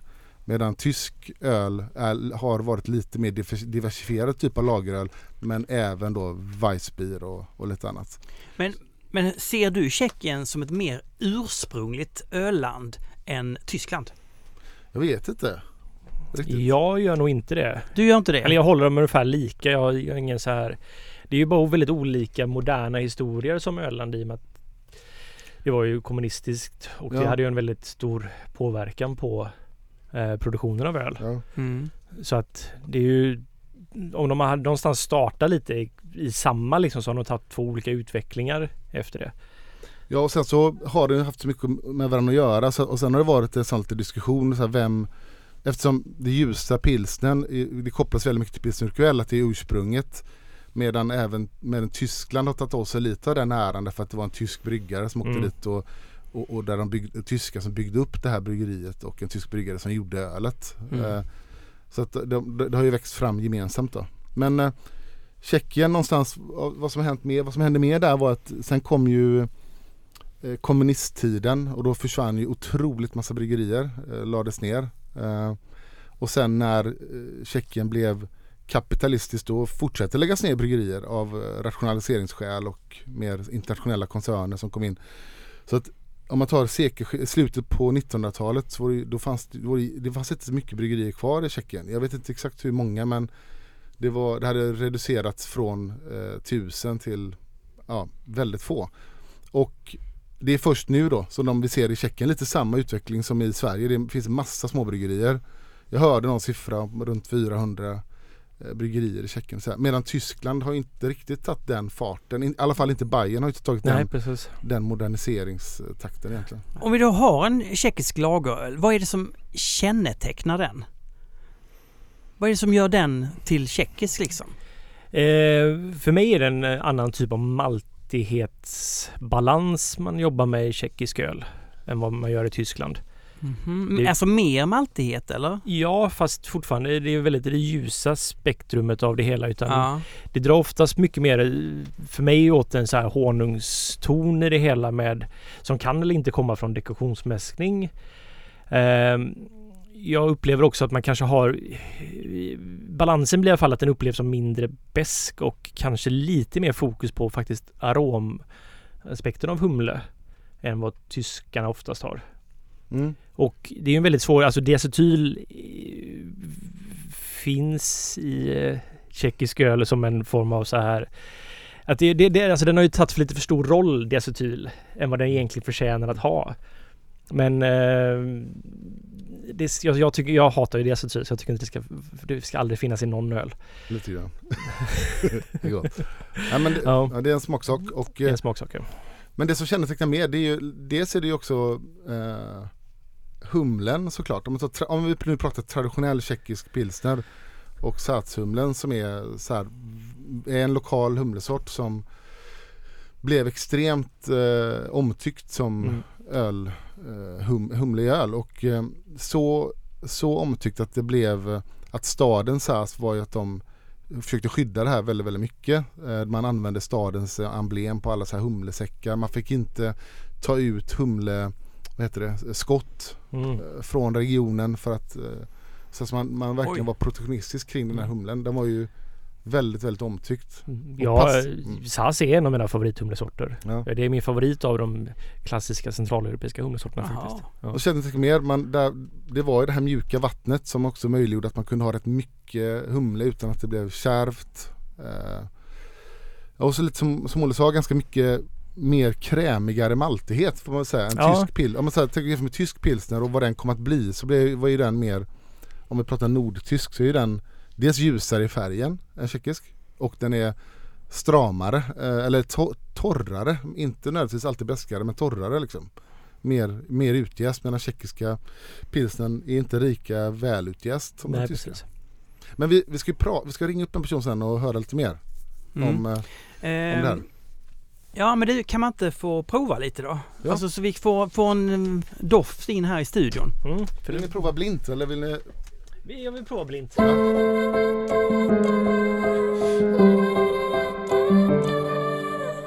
Då har vi fått eh, två öl. Mm. Otroligt bra radio detta. De ser likadana ut. Den är, ettan är lite, lite, lite, lite... Nej. Kanske... Ettan doftar ju någonting. Ja, precis. Tvåan doftar ingenting. En Den är sak som helt... bara, Olle nämnde förut, så här, diastyl, den här smör, eh, eller smörsmaken, eller smörkolasmaken. Mm. Det, det här är så intressant, för jag vill gärna prata om det här, eller Ja. vi måste, det kanske inte vi kan lösa idag, men man har ju lärt sig genom åren och jag eh, det kanske är att man är lite färgad av den att tjeckisk pilsner har en ton av diastyl. Mm. Jag känner diastyl, jag känner inte alla felsmaker men diastyl känner jag ganska bra och jag Mm. tycker att det finns diastyl i mycket tjeckisk öl. Mm. Sen har jag pratat med folk som är jävligt duktiga på öl, som jag litar på väldigt mycket, som säger att nej men det är ingen diastyl i pilsner urquell. Nej. Och då så här, va? Det är det ju, för mig är det det. för mig med.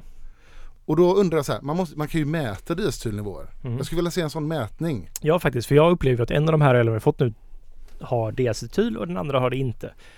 Får jag ge en gissning på vilka öl det här är? Ja, Ettan är Budvar och den andra är Urkel. Eh, det stämmer. Ja. Och, det, och, jag, och visst har urquell mer diacetyl. Ja det tycker jag.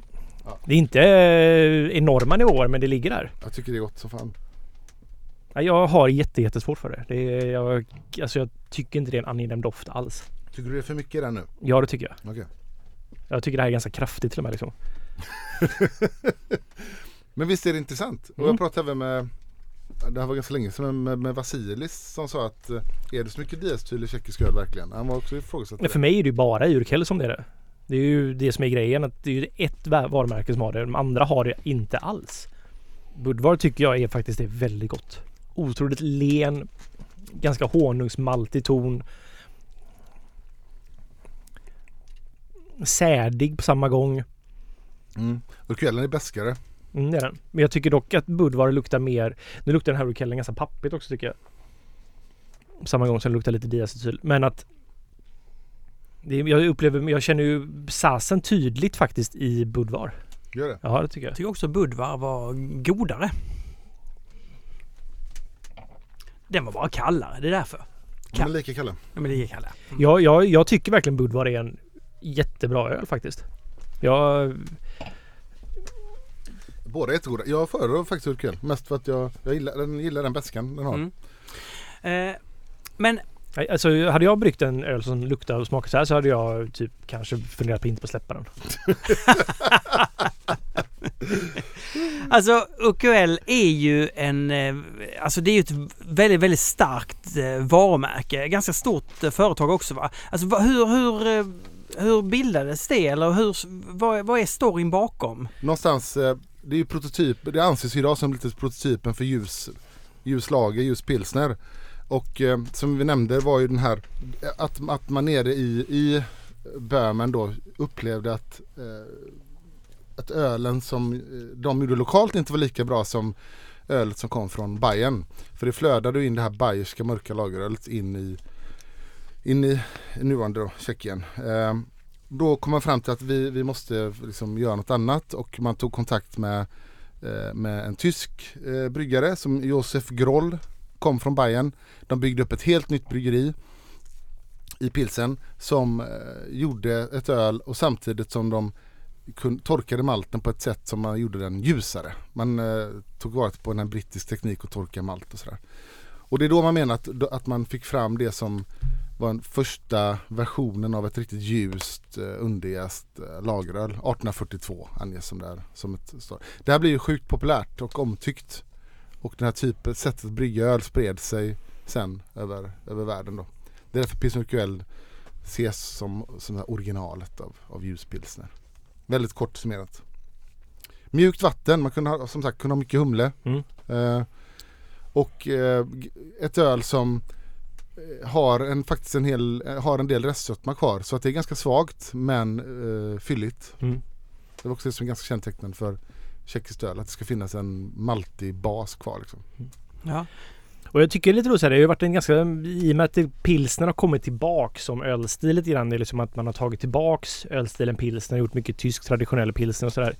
Och man har inspirerat väldigt mycket av Franken och sådär. Men jag börjar se mer och mer att man gör Bohemian pilsner som hantverksbryggeri. Framförallt i USA att det här börjar bli liksom en eh, man dekoktionsmäskar och man tar det här superseriöst. Man har liksom hela de här eh, kranarna som är alltså kulventiler där det. man kan styra upphällningen väldigt eh, på olika sätt då så man kan få de här, nu vet jag inte vad det heter, men att man får antingen så får man en där man bevarat mycket av kolsyran och sen bara lägger toppar upp med skum då för att liksom skydda mot Ja. oxidation då så att inte ölen förstörs men att man bevarar mycket kolsyra, man häller upp den utan att slå den helt enkelt. Så finns det den som är liksom halvslådd och så finns det den som när man, för öppnar man då en kulventil bara lite grann så kommer det skumma så då kommer det bara skum och då får man en väldigt krämig öl Just det.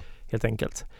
Eh, och liksom ta vara på den traditionen väldigt mycket för det och det, det, det börjar komma tillbaks faktiskt, det, vilket är väldigt roligt att man Mm. att eh, inspireras av den här den tjeckiska Ja. traditionen och just med att man faktiskt tar det så seriöst att man gör verkligen trippeldekorationer och sådana saker. Precis, det glömde vi säga. Dekoktioner eh, som superviktig aspekt. Och, och det dekoktioner kan ju ha för effekt att det gör också ödet lite mörkare. Men både, det finns flera som menar, både Gareth Oliver har skrivit om det här men även Janko nämnde att den mörkare färgen på tjeck, traditionell tjeckisk pilsner kan också ha att göra med ett, ett tillverk, in- inte bara dekorationer utan även generell större syresättning Mm. än vad man har kanske i tysk eh, pilsner och sådär. Det kan påverka. Eh, Men det, hur, alltså, när blev den tjeckiska ölen trendig i Sverige? För den, den, den verkar ju ha en väldigt... eh, Den svenska befolkningen verkar vara extremt medveten om att det här är den bästa. Ja men det var, det var ju lite det som vi nämnde tidigare. Det var när, jag skulle säga att det var när Carlsberg började trycka ut Starpram på alla sina krogar. Och det är Eh, 00-tal någon gång. 00-tal, ja. precis. De fick väl det här i slutet på 90-talet men det är under 00-talet det blir stort och även, eller kanske växer hela tiden under 10-talet också. Eh, det är nog då, man, och man pri, det var också prissatt som ett premiumöl till skillnad från dess liksom, andra produkter de hade på fat. Då. Sen så kom ju eh, Pilsner Urquell, eh, har vi kommit sista, känns som det har blivit sista tio åren Olle, eller som många Mm. ställen i Sverige har, de har ju satsat stenhårt i Sverige, gått in med rätt, med rätt mycket man kan ju diskutera det här då men de har gått in med ganska mycket pengar och köpt upp typ köpt ställen nästan, eh, hjälpt dem väldigt mycket finansiellt och gjort det till Pilsner barer och man utbildar personalen och Ja, och, och just bygger lite grann hype kring det här sättet att hälla upp öl och, och sådär. Mm. Det har blivit Och servera att man har liksom de olika Det finns ju Tanknova som jag, den är väl filtrerad men opastöriserad och så finns det de vissa krogar som får liksom eh, som Rover hade ju för Pilsner Urquell ofiltrerad. Just det. De hade ju så här att de får sex fat i veckan som en prenumeration i stort sett liksom. Och bara det här med diacetyl i Pilsner Urquell. Jag upplevde ju aldrig att eh, den ofiltrerade hade diacetyl. Vilket betyder då att för gäst brukar generellt sett rensa upp diacetyl. Ja. Så jag kände när, för det mesta, eller nästan aldrig i den ofiltrerade Urquellen. Åh fan. Så att, och då är det ju, det måste ju vara en skillnad där tänker jag då. Och det är ju diacetyl i, helt Men, enkelt. ja, och jag, jag, vi slut. jag känner det stil i andra tjeckiska öl också, inte i Staroprammen men Ja. i annan typ av lite mer, eh, lite mindre tjeckiska märken tycker jag att de kan känna det. Bara en rolig sista grej.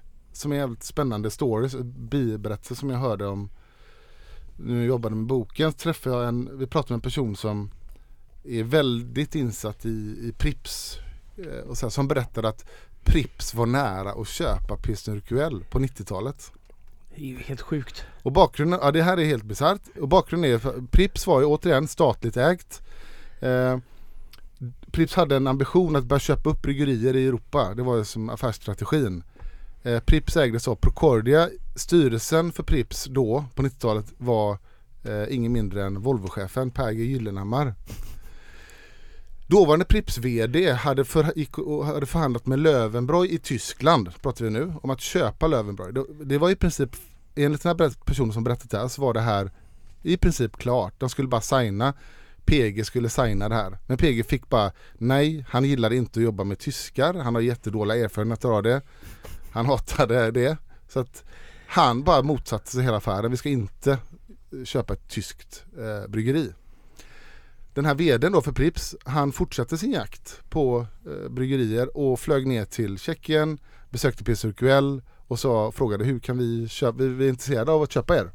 De funderade på det, tackade nej.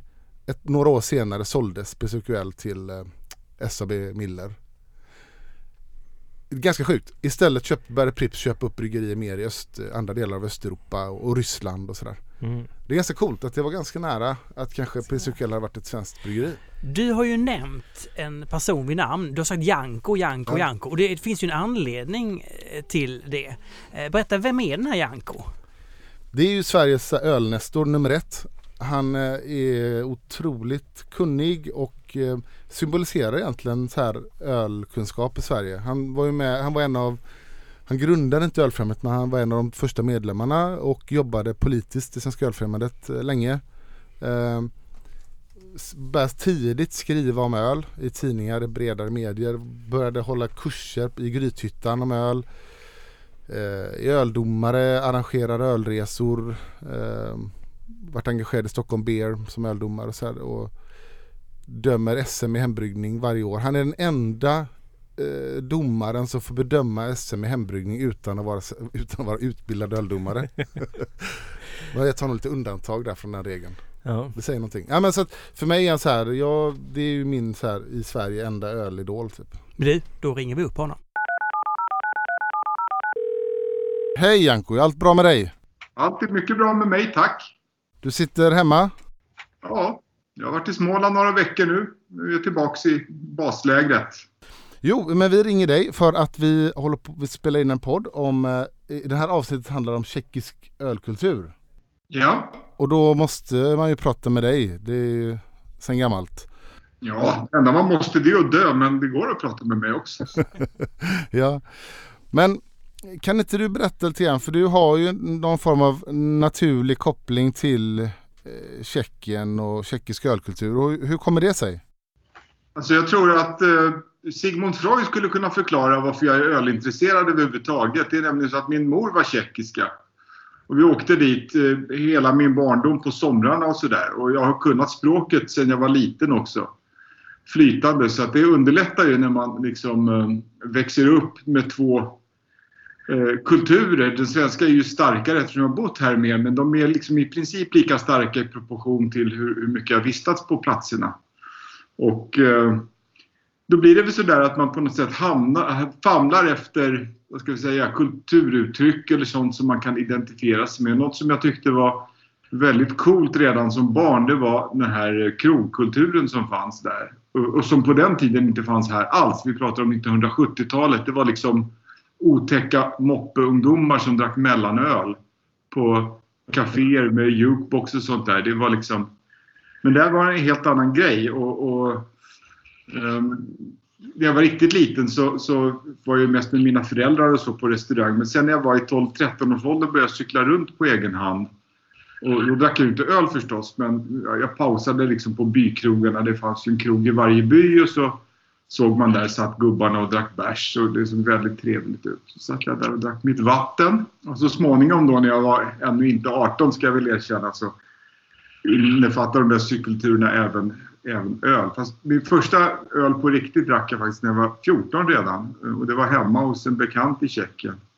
Jag var där med min mamma och hälsade på, bekanta till familjen och så håller han fram en, en Samson från, från Budweis, då, Český eh, en 10-gradig, alltså med Plato 10, ungefär 4 procent.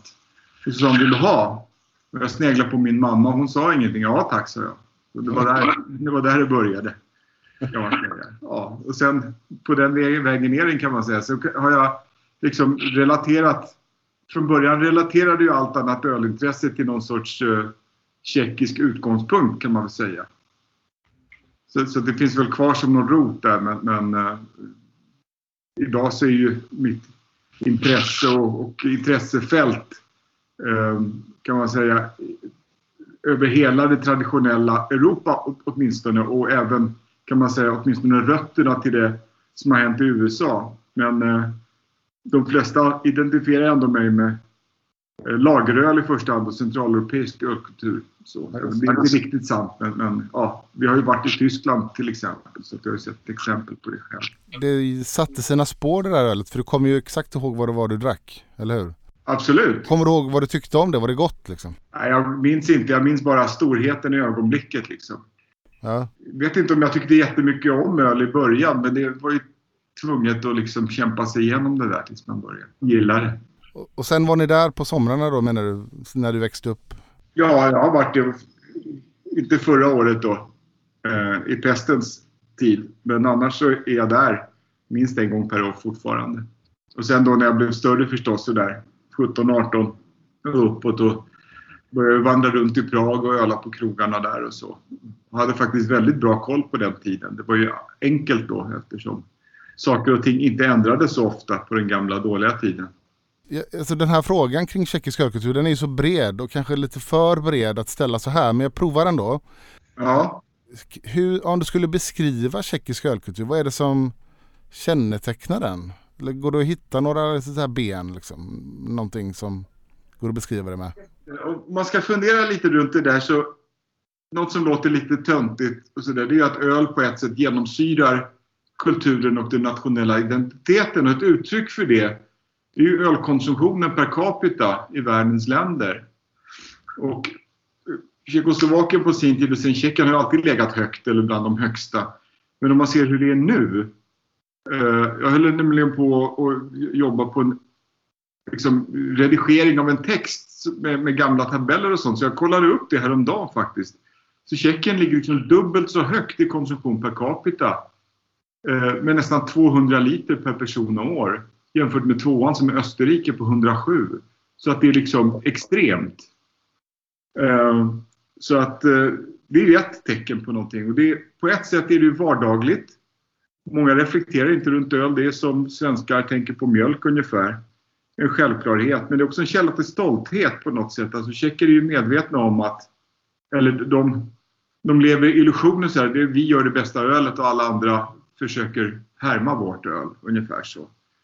Eh, om man ska vara ärlig då så är inte alla tjeckiska öl speciellt märkvärdiga men snittet, kvaliteten, skulle jag säga är högre kanske än, något annat, än i något annat land ändå. Liksom om man står förlust, köper en öl eller går in på en krog. Det, blir är inte jättemycket bättre än en internationell lager oftast, men lite bättre.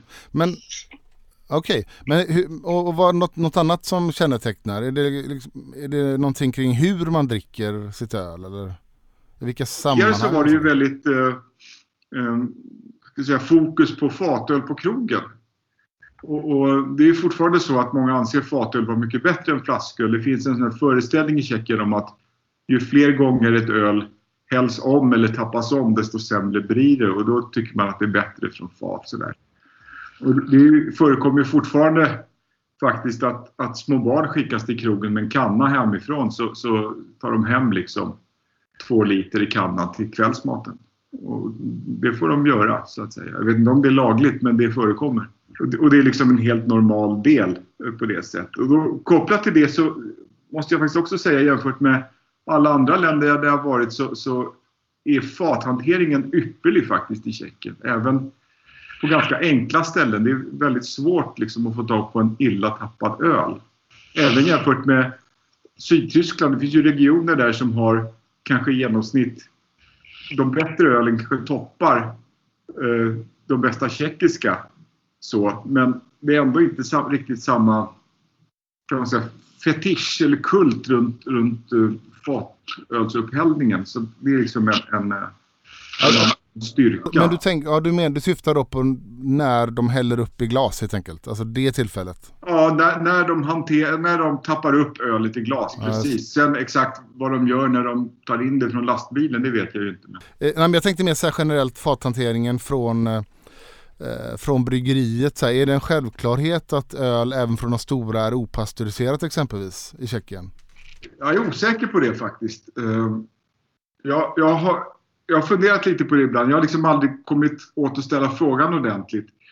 Jag skulle gissa att det är enklare och billigare att låta bli att pastörisera öl. Samtidigt så om man har en jätteanläggning där man sprutar ut flera miljoner hektoliter per år då kanske man inte vill hålla på och ställa om och greja så att man liksom gör en massa öl och sen bestämmer man om man ska säljas till Sverige eller, eller till krogen. Jag vet faktiskt inte.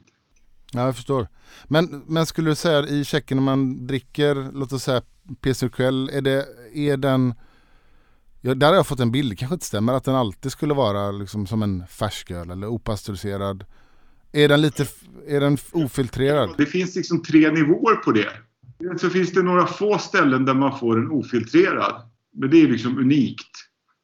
Eh, och tjeckerna tror ju inte på Man säger att det finns i Sverige också. Det tror de ju inte på. Det finns ju några, någon krog i Stockholm som har det bland annat. Jag vet inte hur det är i Göteborg också. Det är ju en grej liksom. Sen så finns de här tankölen då som, som kan man säga, det sponsras ju av Asahi eller av, av bryggeriet numera. Um, och, och, och promotas väldigt starkt som deras liksom märkeskrogare, man ska säga. Och där i, i liksom den fina upptappningen, så kallade hlajinka, där de drar i i princip en gång och glaset fylls av vått skum som sen liksom um, rinner ner i glaset. Det, det är ju det finaste så, förutom den ofiltrerade om man gillar det då. Men sen de flesta ställen som har Orkul i Tjeckien tappar i precis som alla andra gör två, tre gånger och, och, eller tre, fyra gånger. Och den smakar lite mer konventionellt då. Eh, Så att det är inte alltid Orkvällen är liksom världens bästa pilsner ens i Tjeckien. Men, men eh, ja, det är de här tre nivåerna man stöter på tycker jag. Men, men hur föredrar du att få den upphälld då? Om du är där? Jag tycker om den filtrerade eh, som hladjinka, alltså eh, en, en itappning.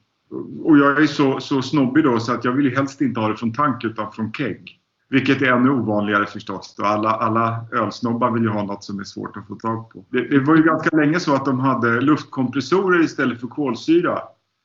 Eh, Och aluminiumfat. Nu är ju allt det där ändrat. Men på den tiden så, så det fanns en fantastisk mjukhet i ölet och den får man jobba lite mer för idag tror jag. Men då är det vissa utvalda ställen som har det helt enkelt i, om man tar Då vet man om det eller så frågar man eller så hör man rykten. Liksom. Jag tänkte på mer det här när man är på, på lokal så att säga. Vad, vad kännetecknar den kulturen på öllokal så att säga? Idag skulle jag säga, eller, och historiskt. Ja, det har ju ändrats lite kan man säga men, men uh, rustikt och folkligt det är väl liksom de första sakerna jag tänker på. Det är ganska enkelt oftast. Förr i tiden fanns det bara ett öl på fat. Alltså ett märke från ett bryggeri. Idag så är det oftast kanske några märken från samma bryggeri men det är ganska ovanligt med sortimentspubbar. Mm. Uh, förr i tiden var det ofta rökigt, väldigt herrdominerat. Det har också ändrats idag. Jag vet bykrogen som jag brukar gå på varje sommar. Om jag jämför nu med för 40 år sedan när jag började åka dit så är det liksom, eh, man går dit, man och hustru och karn dricker inte så mycket snapsar och, och dricker små öl istället för stora öl. Så att det är lite mer eh, mångfacetterat idag kanske. Men många ställen är rätt så ålderdomliga, i alla fall de här finare då som man ofta nämner för sin interiör med liksom valv i taket och träpaneler. Ingen krimskrams. Um, om man jämför med andra länder i Europa så är det ju ofta mycket enklare och, och, och ibland ålderdomligare också. Men, men det är ju ganska likt ställen, många ställen i, många finare ställen eller mer rustika och enkla ställen i Sydtyskland. Inte den generiska bayerska krogen kanske med stoppade breda eh, soffor och, och, och massa torkade blommor och, och dukar och, och gardiner och sånt där. Utan mer sådana där bykrogar i Franken och sånt. De ser ut ungefär så. Ja, lite eh, enklare liksom. Mm. Och atmosfären då? Det är, liksom, är det... Så jag har ju alltid uppfattat den som väldigt fridsam och det kanske är mina rosa ögon. Men jag har varit säkert några tusen gånger på tjeckisk ro och det är liksom väldigt... Eh, Tjeckien är ett land av, av ganska liksom, uppenbar avsaknad av machokultur. Och eftersom det har varit liksom maskulina domäner så har det inte förekommit, som jag stött på i alla fall, liksom att, att folk tuppar sig eller ska Eh, vara coolare än någon annan eller sådär. Utan det är, man har ju i mer än hundra år hävdat att, att de här ölkrogarna knyter ihop samhället. Liksom, att samhällsklasserna träffas där, konstnären och, och tegelarbetaren och, professorn och, och, och skomakaren liksom, sitter vid samma bord och gaggar. Ehm, och faktiskt så pratar man inte så hemskt mycket. Vi, vi skojade om det på bykrogen där för, för några år sedan. Att liksom, eh, i början så pratade vi om, om tjejer och sen eh, började vi prata om sprit. Och sen ytterligare tio år senare så pratar vi om mat. Och nu jämför vi mediciner liksom. Det är så det utvecklas. Så alla går på blodtryckssänkande och diabetes 2-medicin och sånt där. Det, liksom, det ingår i folkkulturen också. Ja, jag förstår. Men är, är det en social arena? Börjar man prata med os, okända liksom? Alltså, det, inte, inte direkt, men eh, det är ju där alkoholen har en viss funktion då. Det typiska är tycker jag, minns jag framförallt från, från ungdomen när jag gick mycket ensam på krogen. Då. Man kommer in och så tittar man något tomt bord långt ifrån de andra så sätter man sig där. Eller om det inte finns tomma bord så sätter man så långt som möjligt ifrån någon annan vid ett bord som redan är upptaget. Man får alltid fråga och sitta vid, vid bord. Liksom. Sen efter ett par öl så kanske man börjar snegla på varandra eller fälla någon kommentar och sen så efter en timme sitter man och snackar. Passar mig i alla fall. Lite sådär hämmad, halvautistisk mentalitet som löses upp med alkohol. inte för socialt direkt så att säga utan lite smygande. Ja, absolut. Och det är liksom inte sådär... Det anses vara dålig stil att liksom skryta eller prata högt eller prata uppenbart om andra om det inte görs lite witty sådär. Det kan man ju liksom... Man kan nog prata skit om folk också efter ett tag men med en viss glimt i ögat och det får inte vara plumpt och vulgärt. Men, men då finns det oftast då öl från ett eh, bryggeri på den krogen. Ja, det är Eh, det vanliga. Det finns ju numera sortimentspubbar också i större städer och sådär. Men, men är en check räknar med liksom. Jag går till den krogen för där har de det och det märket och de tappar det bra. Liksom. Men är det så att bryggerierna äger massa krogar i Tjeckien eller är det fristående krogar utifrån ägande menar jag? Ja, de är oftast fristående. Det finns ju de större bryggerierna har ju en del sådana här kedjor. Uh, Staropramen har sina krogar och Urquell har sina krogar och Budvar har sina krogar och sådär. Eh, men annars så, så sluter liksom krögaren ett kontrakt med, med bryggeriet och så är det väl jag vet inte hur, exakt hur det är jämfört med Sverige men man får ju massa dukar och askfat och skit. Liksom. Ja men lite förstår vad du menar, huvudleverantör. Jag vet inte om de står för banklån och sånt där som de gör i Sverige. Eller som det var förut i alla fall. Nej. mm.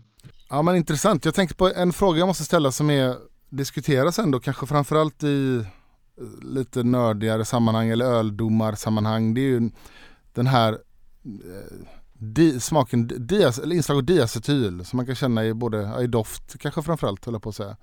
Eh, även en del tycker att det påminner om smörkola. Eh, eh, en del menar att det här är en fel smak. En del menar att ja, men det här passar in och ska finnas lite grann i tjeckisk öl och sådär. I Tyskland är det inte okej på samma sätt i den typen av lager. Men vad säger du om allt det här? Vad, vad är din ståndpunkt? Ja, Jag vet inte. Alltså, jag- jag tycker för det första när man beskriver diacetyl och vi är inne på smörkola. Det är lite risk att, att gå vilse där. För jag vet många som säger diacetyl när de eller när jag känner karamellmalt och den smakar ju liksom knäckigt.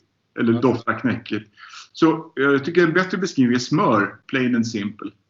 Alltså utan det där söta inslaget. För om man letar, letar efter det rena smöret. Nu, nu har ju en del, eller ganska många tjeckiska ölen uttalad maltighet med söta inslag också. Så det, det kan dra åt smörkolla-hållet. Men annars så tycker jag att diacetyl är, är alltid fel. Även i tjeckiskt öl. Du tycker det? Absolut.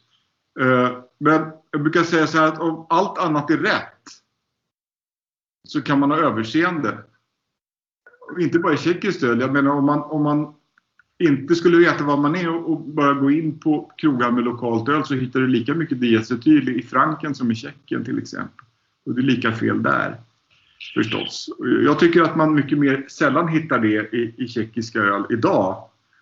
Eh, Och jag hör ju till de som inte tycker att pilsner Urquell i regel smakar det sig till alls. Det är många som säger att man känner igen den på det. Så jag, de som har tanköl, tank-Urquell, om, om tanken har varit öppnad någon vecka då kan man känna smörigheten komma. Men intressant, för det där var precis, jag skulle fråga lite om det. Att, eh, Urquell är ju ett öl som en del hävdar smakar som diacetyl, en del eh, att det inte gör det. Jag tycker det är jätteintressant.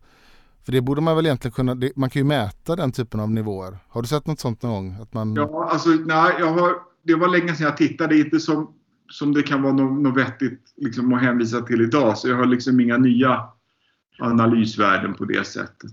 Eh, det vet jag inte. Det är väldigt mycket, det är väldigt högt, högt restsocker i Orkväll Och, och jag tror att det kan vara det som spökar om inte jag är helt ute och cyklar förstås. Jag tycker jag har en ganska, jag tycker inte om diacetyl så jag tycker jag har en ganska känslig näsa för det. Normalt sett, men det kan ju hända att jag har gått vilse också på det sättet.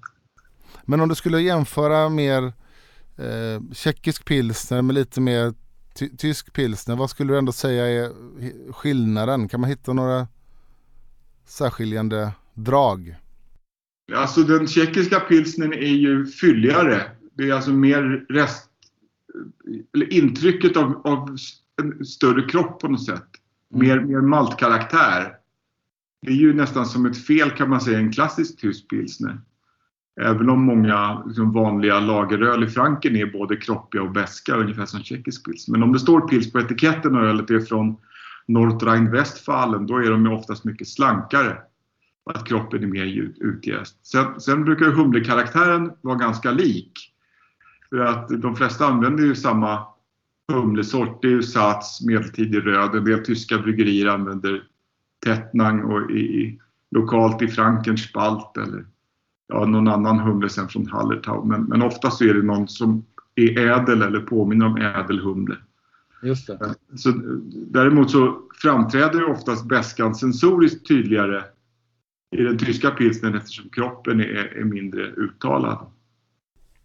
Om man tänker backa lite till egentligen eh, hur, hur stark kulturen är kring eh, tjeckiska bryggerier och sådär. För att n- när vi var nere i Tyskland med dig så så hade du en du hade en lista som du, som du fyller på bryggerier som försvinner och eh, som drivs av eh, ofta äldre män och familjer och ingen tar över och det läggs ner. Och jag minns att du har gjort lite liknande grejer på tjeckiska bryggerier på Facebook och sådär. Ja, precis. Jag får sådana här ryck ibland, panikryck liksom, både när det gäller Franken och Tjeckien.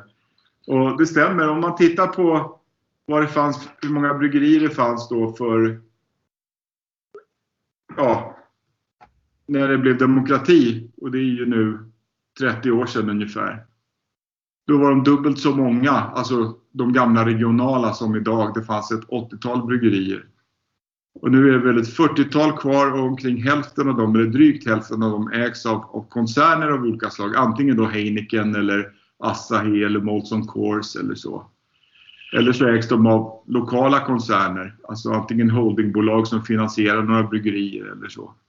Så det är väl knappt 20 av de gamla som var hundratals ursprungligen då. Som gamla regionala som finns kvar. Men sen är det precis som Sverige då finns det många hundra nya bryggerier.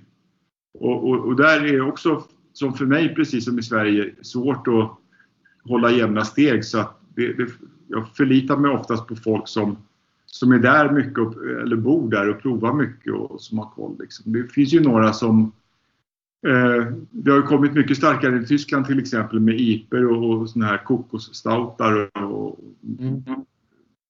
klarbergspilsner och sånt där. Men några kör ju um, klassisk stil, eller ganska många kör klassisk stil och några av dem är liksom i klass med de absolut bästa gamla bryggerierna. Så det är ju lite kul.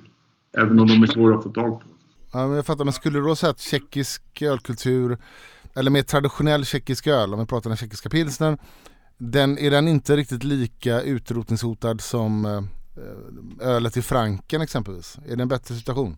Det finns ju fler bryggerier kvar i Franken. Så att det är också lite en filosofisk fråga. Och sen kan man ju säga att eftersom eh, vissa av de större bryggerierna gör ju öl i klassisk stil, som Asahi genom Orkvel till exempel. Det är ju svårt att säga att, att klassisk tjeckisk pilsner skulle vara utrotningshotande världens typ sjätte största, eller vad det är, bryggeriföretag äger märket.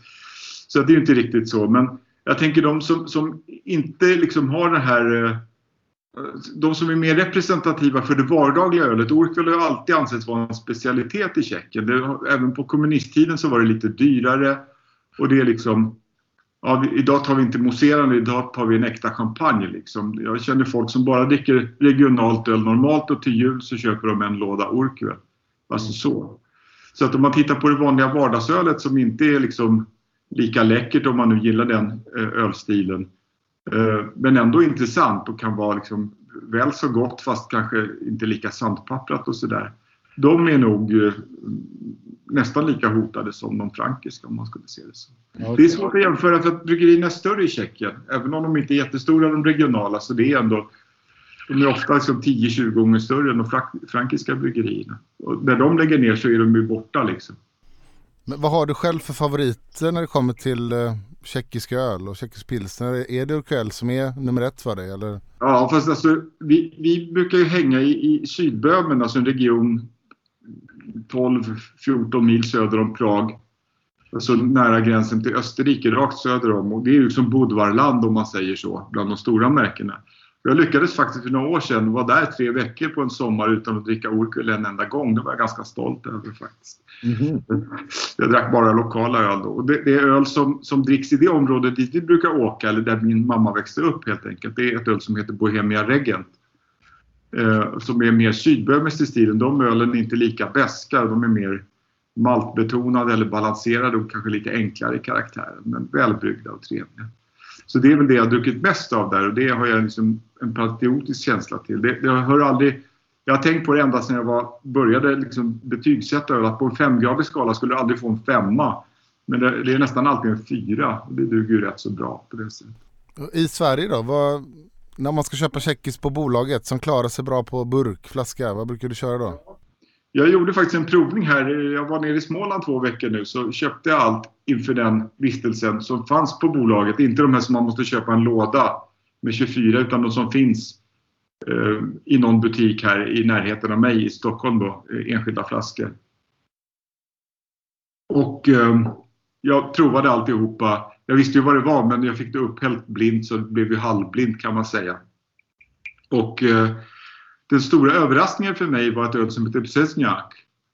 Ett Heineken-ägt märke som bryggs eh, i norra Böhmen i en stad som heter Veliki Psesno. Det är en gubbe med mustasch på etiketten, eller skägg. Um, och det har jag tänkt, ja, Heineken det är väl som Krušovice och, och, och, och Zlatoprammen och Starobrno och sådär, att det smakar liksom ganska enhetligt. Men det, det var jättegod.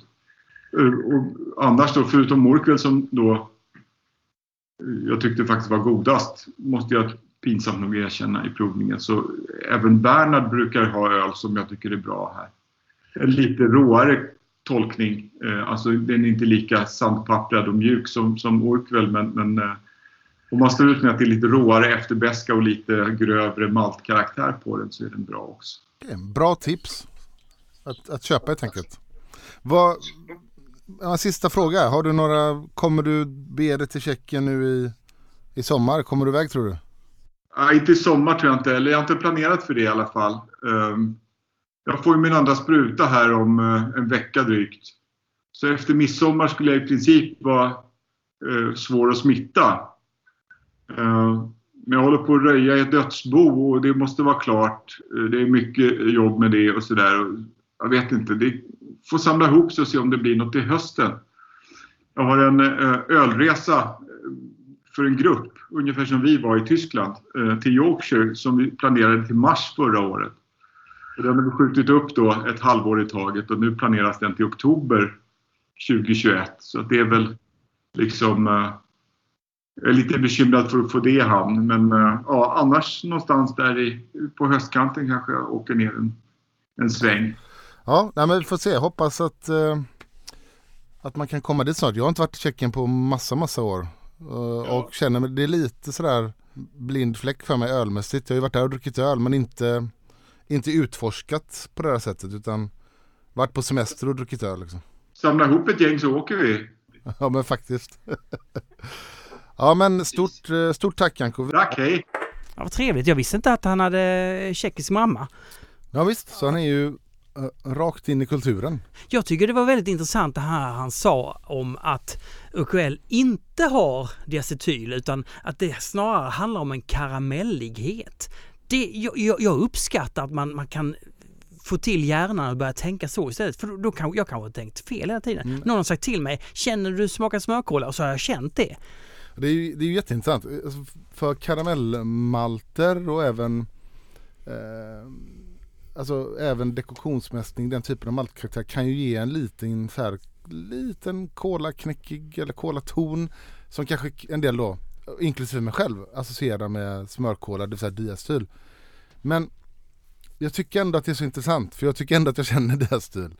Eh, sen så finns ju den, när man känner den riktigt, riktigt starkt då blir det ju äckligt, då blir det som att eh, det är som en eh, att det är typ som skämd mat. Eller Ja, det står i vägen för hela upplevelsen Ja. då. Om man, om man gör det. Ja. Men så det skulle vara skitintressant att se data på faktiska diastylnivåer i, i olika öl Ja. och inklusive tjeckisk pilsner. För att bara, är det där eller är det inte där? Mm. Det är bara att lägga upp resultaten på Instagrams och eh, tagga oss så Om någon har en sån utrustning hemma bara. Ja men så repostar vi det direkt. Det är inga, inga konstigheter med det. Du, eh, jag är vä- väldigt nyfiken på eh, det här med krogavtalsfrågan som du eh, snackade om senast. Alltså vad va, va, va, vad står vi nu? Eh, nu minns jag inte exakt vad jag sa men jag nämnde att eh, Konkurrensverket har börjat titta på det här och börjar eh, kartlägga den här frågan. Jag vet att Svenska Ölfrämjandet, vilket är superbra, har börjat kartlägga eh, hur det faktiskt ser ut på krogen och, och, skick, och ska ge det här till Konkurrensverket. För att det som Konkurrensverket tittar på det är de här avtalen och vad det här, vad det här då, eh, vad de, vad de säger och sådär. Många av de här avtalen är ju finurligt formulerade. Eh, många av de här avtalen är ju inte fel i sig. Eh, det är mer att det viktiga frågan här är ju vad avtalen leder till. Alltså vad är själva effekten av de här typen av avtal? Och min, min eh, åsikt och även Svenska Ölfrämjandet vet jag det är att ja, men det är bara att titta hur det ser ut på krogen. Och eh, Det är den typen av data som system, eh, Svenska Ölfrämjandet ska ge till, till Konkurrensverket. Det är helt enkelt så här. I en stad som har tusen serveringstillstånd så kanske 800 har fatöl. Av de här 800, hur stor andel har bara en leverantör av öl på fat? Det är ju den viktiga frågan. Och Mm. om det visar sig då att ja, men 97% av alla ställen har, en, har bara öl från en leverantör. Då är det ju svårt att eh, argumentera mot att den här typen av avtal leder till en, till en utestängning av konkurrens. Det är, väl, det är väl självklart tycker jag. Så vi får se vad det är. Jag tror att det är det det kommer visa, att det är en ganska hög andel som... För, för det, när vi går ut och dricker öl och vi är ölintresserade, vi känner ju till massa ställen som har rolig fatöl för att det är ju det, dit vi går. Mm. Men det är ju bara att titta på random ställe eller ta vilk, vanlig, vilket vanligt ställe som helst. Så är det ju, där har du inte intressanta saker på fat. Eller hur? Så vi får se. Men eh, svenska småbryggerier har ju uppenbarligen väldigt svårt att komma ut på krogen så att eh, Kampen går vidare. kampen går vidare. Det har ju hänt en, eh, en stor eh, grej i ölvärlden. Mm. Eh, vad är det? Det har varit en, eh, ska man säga, att metoo har kommit till ölbranschen. Tre Kanske år för sent, Ja, eller, eller? det är inte riktigt sant heller men lite så. Det är det började med att ett Instagramkonto, Rat Magnet, en person i ölindustrin i USA som eh, hon sa att skicka in till mig hur ni har behandlats annorlunda i ölbranschen för att eh, ni är kvinnor eller andra ja, Mm. anledningar. Och, som, och det började vi ju ganska liksom blygsamt, eller inte blygsamt, men det började med att det skickades in mycket anonymt då som hon bara re- repostade på Instagram att så här att ja, mycket det klassiska liksom att ja, ingen tar mig på allvar för att jag är en kvinna som jobbar inom ölbranschen och att eh, det är mycket då i USA med också eh, att många är brewpub så det är mycket i serveringen också där liksom. Och det blev bara mer och mer och till slut så det var ju väldigt stora anklagelser som kom ut där och visar ju på hur Och där man, man pinpointar alltså personer då. Ja, eh, som, som hade betett sig illa då. Och ehm, det är liksom för mig blev det faktiskt ett uppvaknande hur ganska rutten vår industri ändå är. För det var ju inte bara i USA, det var också i, här i Europa. Och ehm, jag tänker bara gå in på Rat Magnets profil på Instagram och typ läsa igenom för hon har sparat alla de här storiesarna i en man kan se dem längst upp i hennes profil. Och det är över, det är över tusen stories. Typ. Ja. Då får man, får man en liten insikt i hur män är alltså. ja. Om